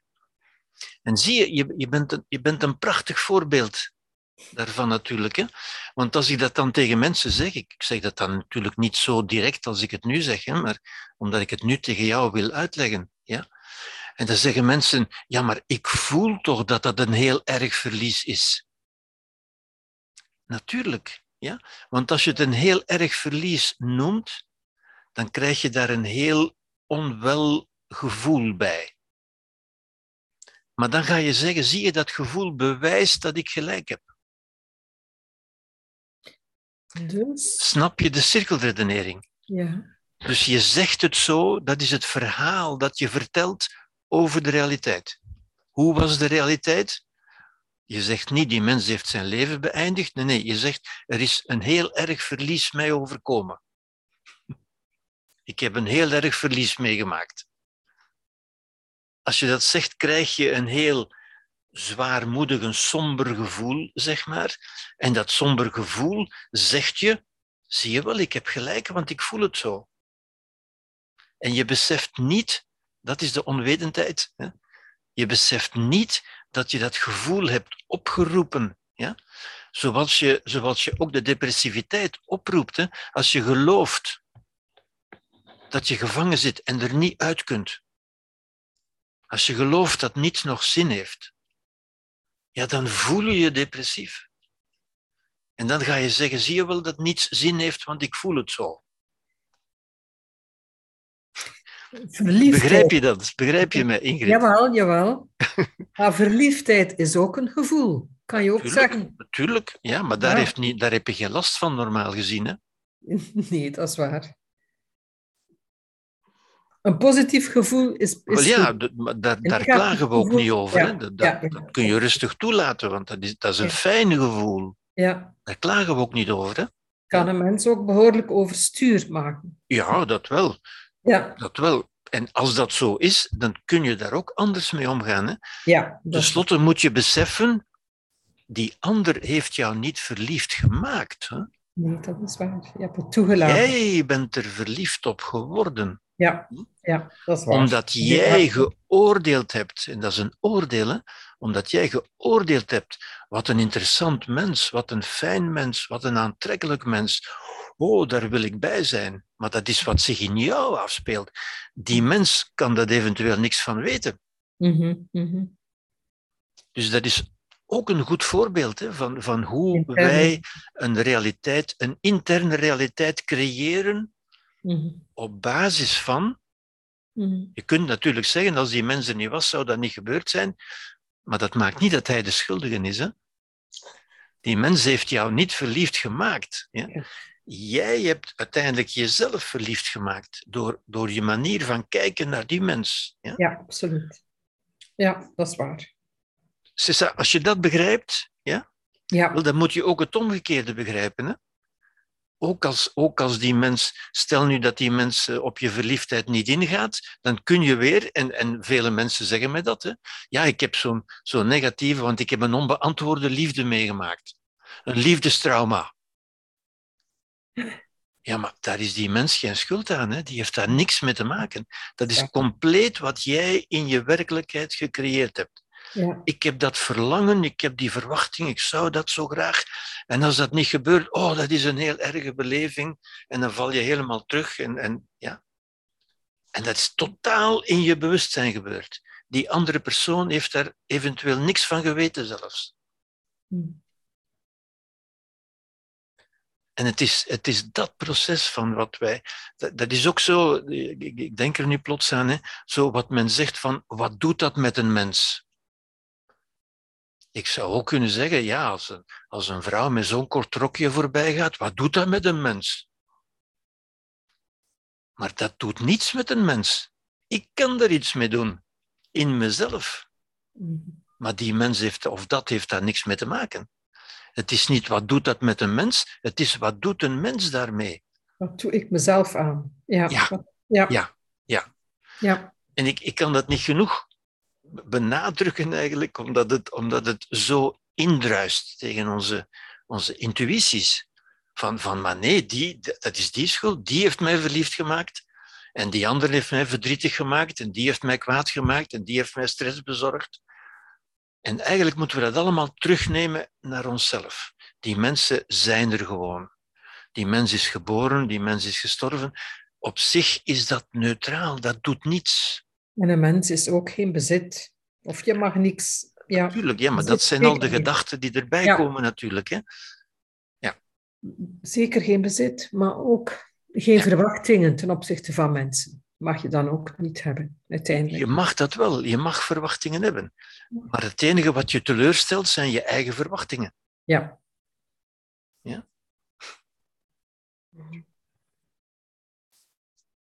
Iemand die niet op je verwachtingen ingaat, die stelt je niet teleur. Het zijn je eigen verwachtingen die je teleurstellen. ja, ja, ja, ja, ja. Oké. Ja, eh, ja. Ja, toch is het moeilijk soms. Ja, En, en ik, ik begrijp het ook. Ik, ik begrijp dat het moeilijk is. En ik probeer het zo eenvoudig mogelijk voor te stellen. ja, ja. Maar het is ook typisch wat je daarnet zei, hoor. Ik, ik vind het zo'n zo, zo'n mooi voorbeeld eigenlijk. Hè. Mensen gaan daarmee mee, van zeggen, ja, ik, ik begrijp het wel. Maar, zeggen ze, zoals jij daarnet zei, hè, ja, maar, maar, als er nu iets heel ergs gebeurt, is dat dan nog zo? Want dan kan dat toch niet meer. En iemand verliezen door de dood is niet iets erg. Iemand die dicht staat. Ingrid, dat is wat jij ermee doet. Ja, ja, ja, oké. oké. Als je om te beginnen het verlies noemt. Je verliest niemand, want je hebt niemand. Daarnet zei je het zelf, je bezit niemand. Ja, ja, Maar ja. toch noem je het een verlies. ja. Dus we zouden, we zouden moeten die woorden schrappen. Mhm. Maar dat is inderdaad een, een, een creatieve uitdaging. Dat is een, een uitdaging van zelfmonitoring. Van die woorden niet meer te gebruiken. En dan stelt zich de, de uitdaging van hoe ga ik het dan wel zeggen? Want mensen, mensen zijn dan, weten dan niet meer, ja, ja, maar hoe, hoe moet ik het dan zeggen? Ik kan het toch niet anders zeggen? U kunt dat wel anders zeggen. Ja. Je bent getuige geweest van het overlijden van iemand, bijvoorbeeld. Ja? Je bent getuige geweest van het feit dat die mens zijn leven beëindigd heeft.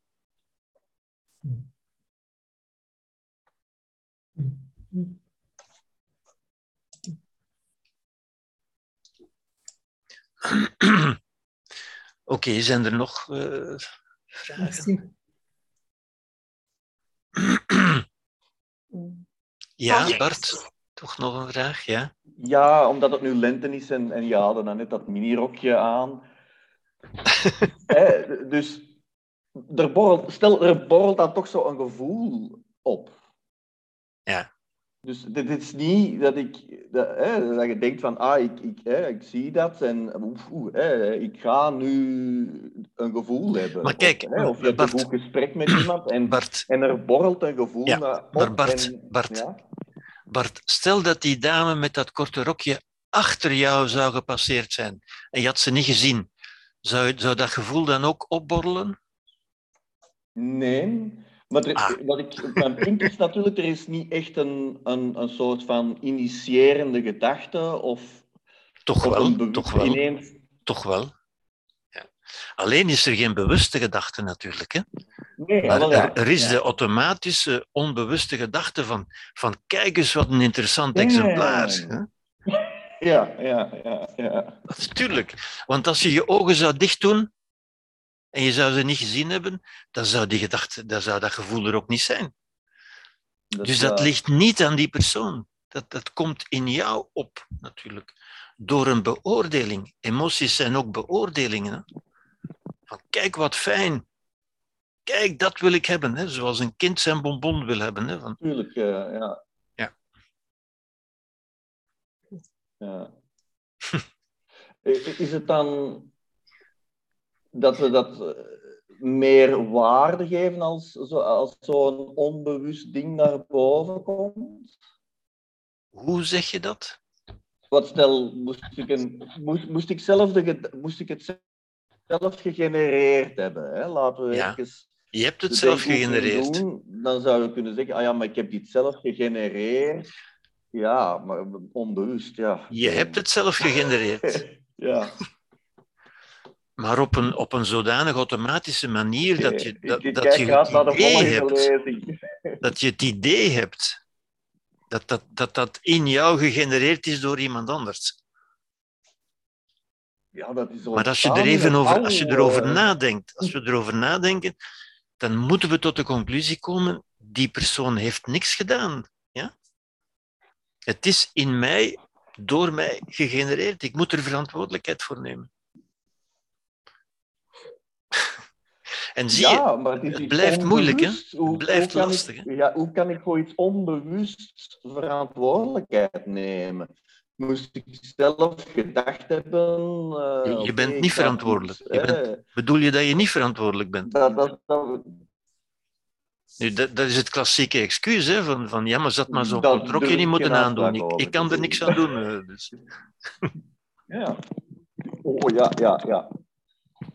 Ja.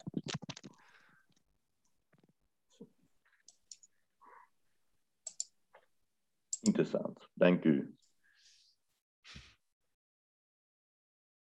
Oké, okay, zijn er nog uh... vragen of bedenkingen? Ideeën? Ja. Uh, Hilde?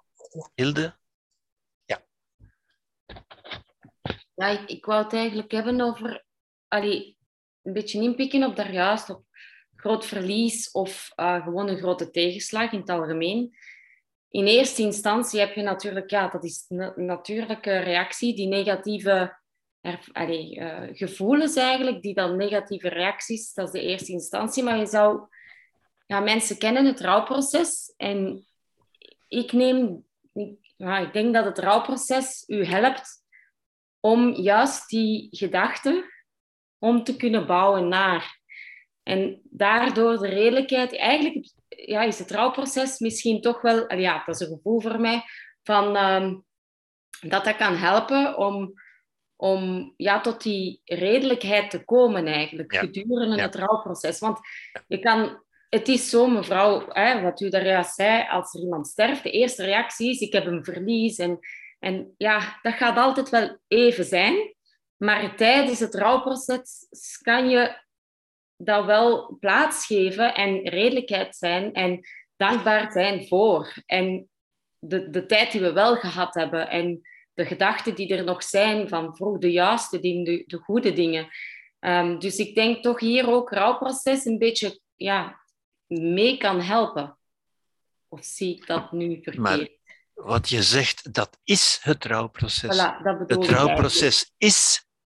De redenering. De redenering, tot andere gedachten komen. Kan ik het niet anders zien? Want je begint al met te zeggen, natuurlijk, en ik begrijp dat zo zijn we, van, we, beginnen al met het een tegenslag te noemen. Ja, voilà. Een tegenslag, nee, een zware tegenslag. Ja, dat, dat is hetgeen dat ik wil hebben. Dat is de allereerste reactie. Ja. Wauw, wat is mij overkomen? Maar ja. Eigenlijk, wat u overkomen is voor een ander totaal niet relevant, maar voor u wel. Bijvoorbeeld, inderdaad. En het rouwproces, wat we het rouwproces noemen, maar dat is eigenlijk alleen maar onze eigen gedachten Ja. op orde brengen. Ja? Ja, daarom dat ik er niet uitkwam om, om te zeggen rouwproces, want uiteindelijk is het gewoon, gewoon effectief redelijk zijn met wat Juist, er dat is alles wat er is. Ja, dat is alles wat er is. En dat Ja. is het rouwproces. Er is Ja. geen ander proces dan, dan dat. Hè. Dat is je kaart aanpassen. Hè. Ja, Een, een andere kaart. Van, om, om, om daaruit te geraken, om uit de stad te geraken, moet je niet stoppen met lopen, maar je moet een betere kaart hebben. ja. Maar voilà, dat wou ik eigenlijk... Ja, Ja, ja, ja je, hebt, je, hebt het, je hebt het goed begrepen, ja, inderdaad. En het is in wezen ook niet eenvoudig en toch, en toch blijft het moeilijk. Het blijft moeilijk omdat altijd onze intuïties in de weg zitten. En die automatische gedachten, hè, dat is die automatische gedachte van, van oh nee, hè? oh nee, wat een tegenslag, oh nee, wat een verlies. Ja? Dat nee.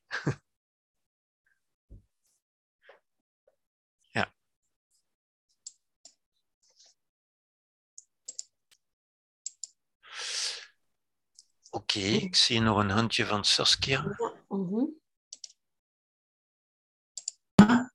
Goedenavond.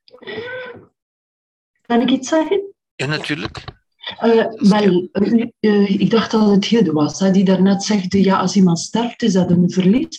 Ehm, nee, niet altijd, want sommige mensen zeggen, "Ah, het werd tijd, eh, het, is, eh, het was tijd dat, het, dat hij er niet meer is. Ik heb het onlangs verschillende keren meegemaakt, dat wij nogal empathisch zijn. Oh, het, het werd tijd dat hij, dat, hij, dat er niet meer is, want hij heeft mij heel mijn leven uh, geambeteerd en dergelijke meer. Dus eigenlijk sowieso, een sterven is voor de ene een verlies, tussen haakjes, en voor de andere een verlossing. En voor mensen die heel veel pijn hebben, is sterven een, een opluchting van voor de omgeving. Goh, we kunnen dat hier niet meer aanzien.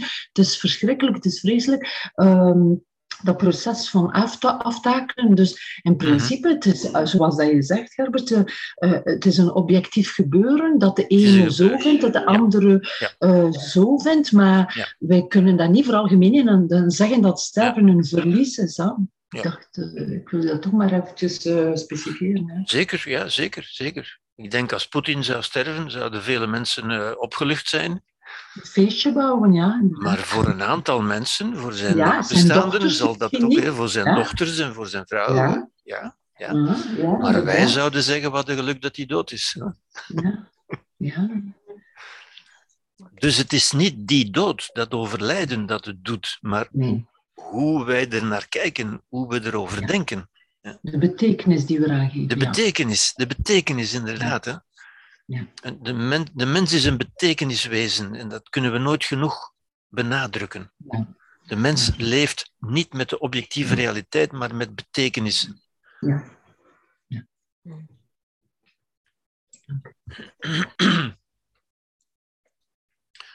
Oké, okay, als er geen vragen meer zijn.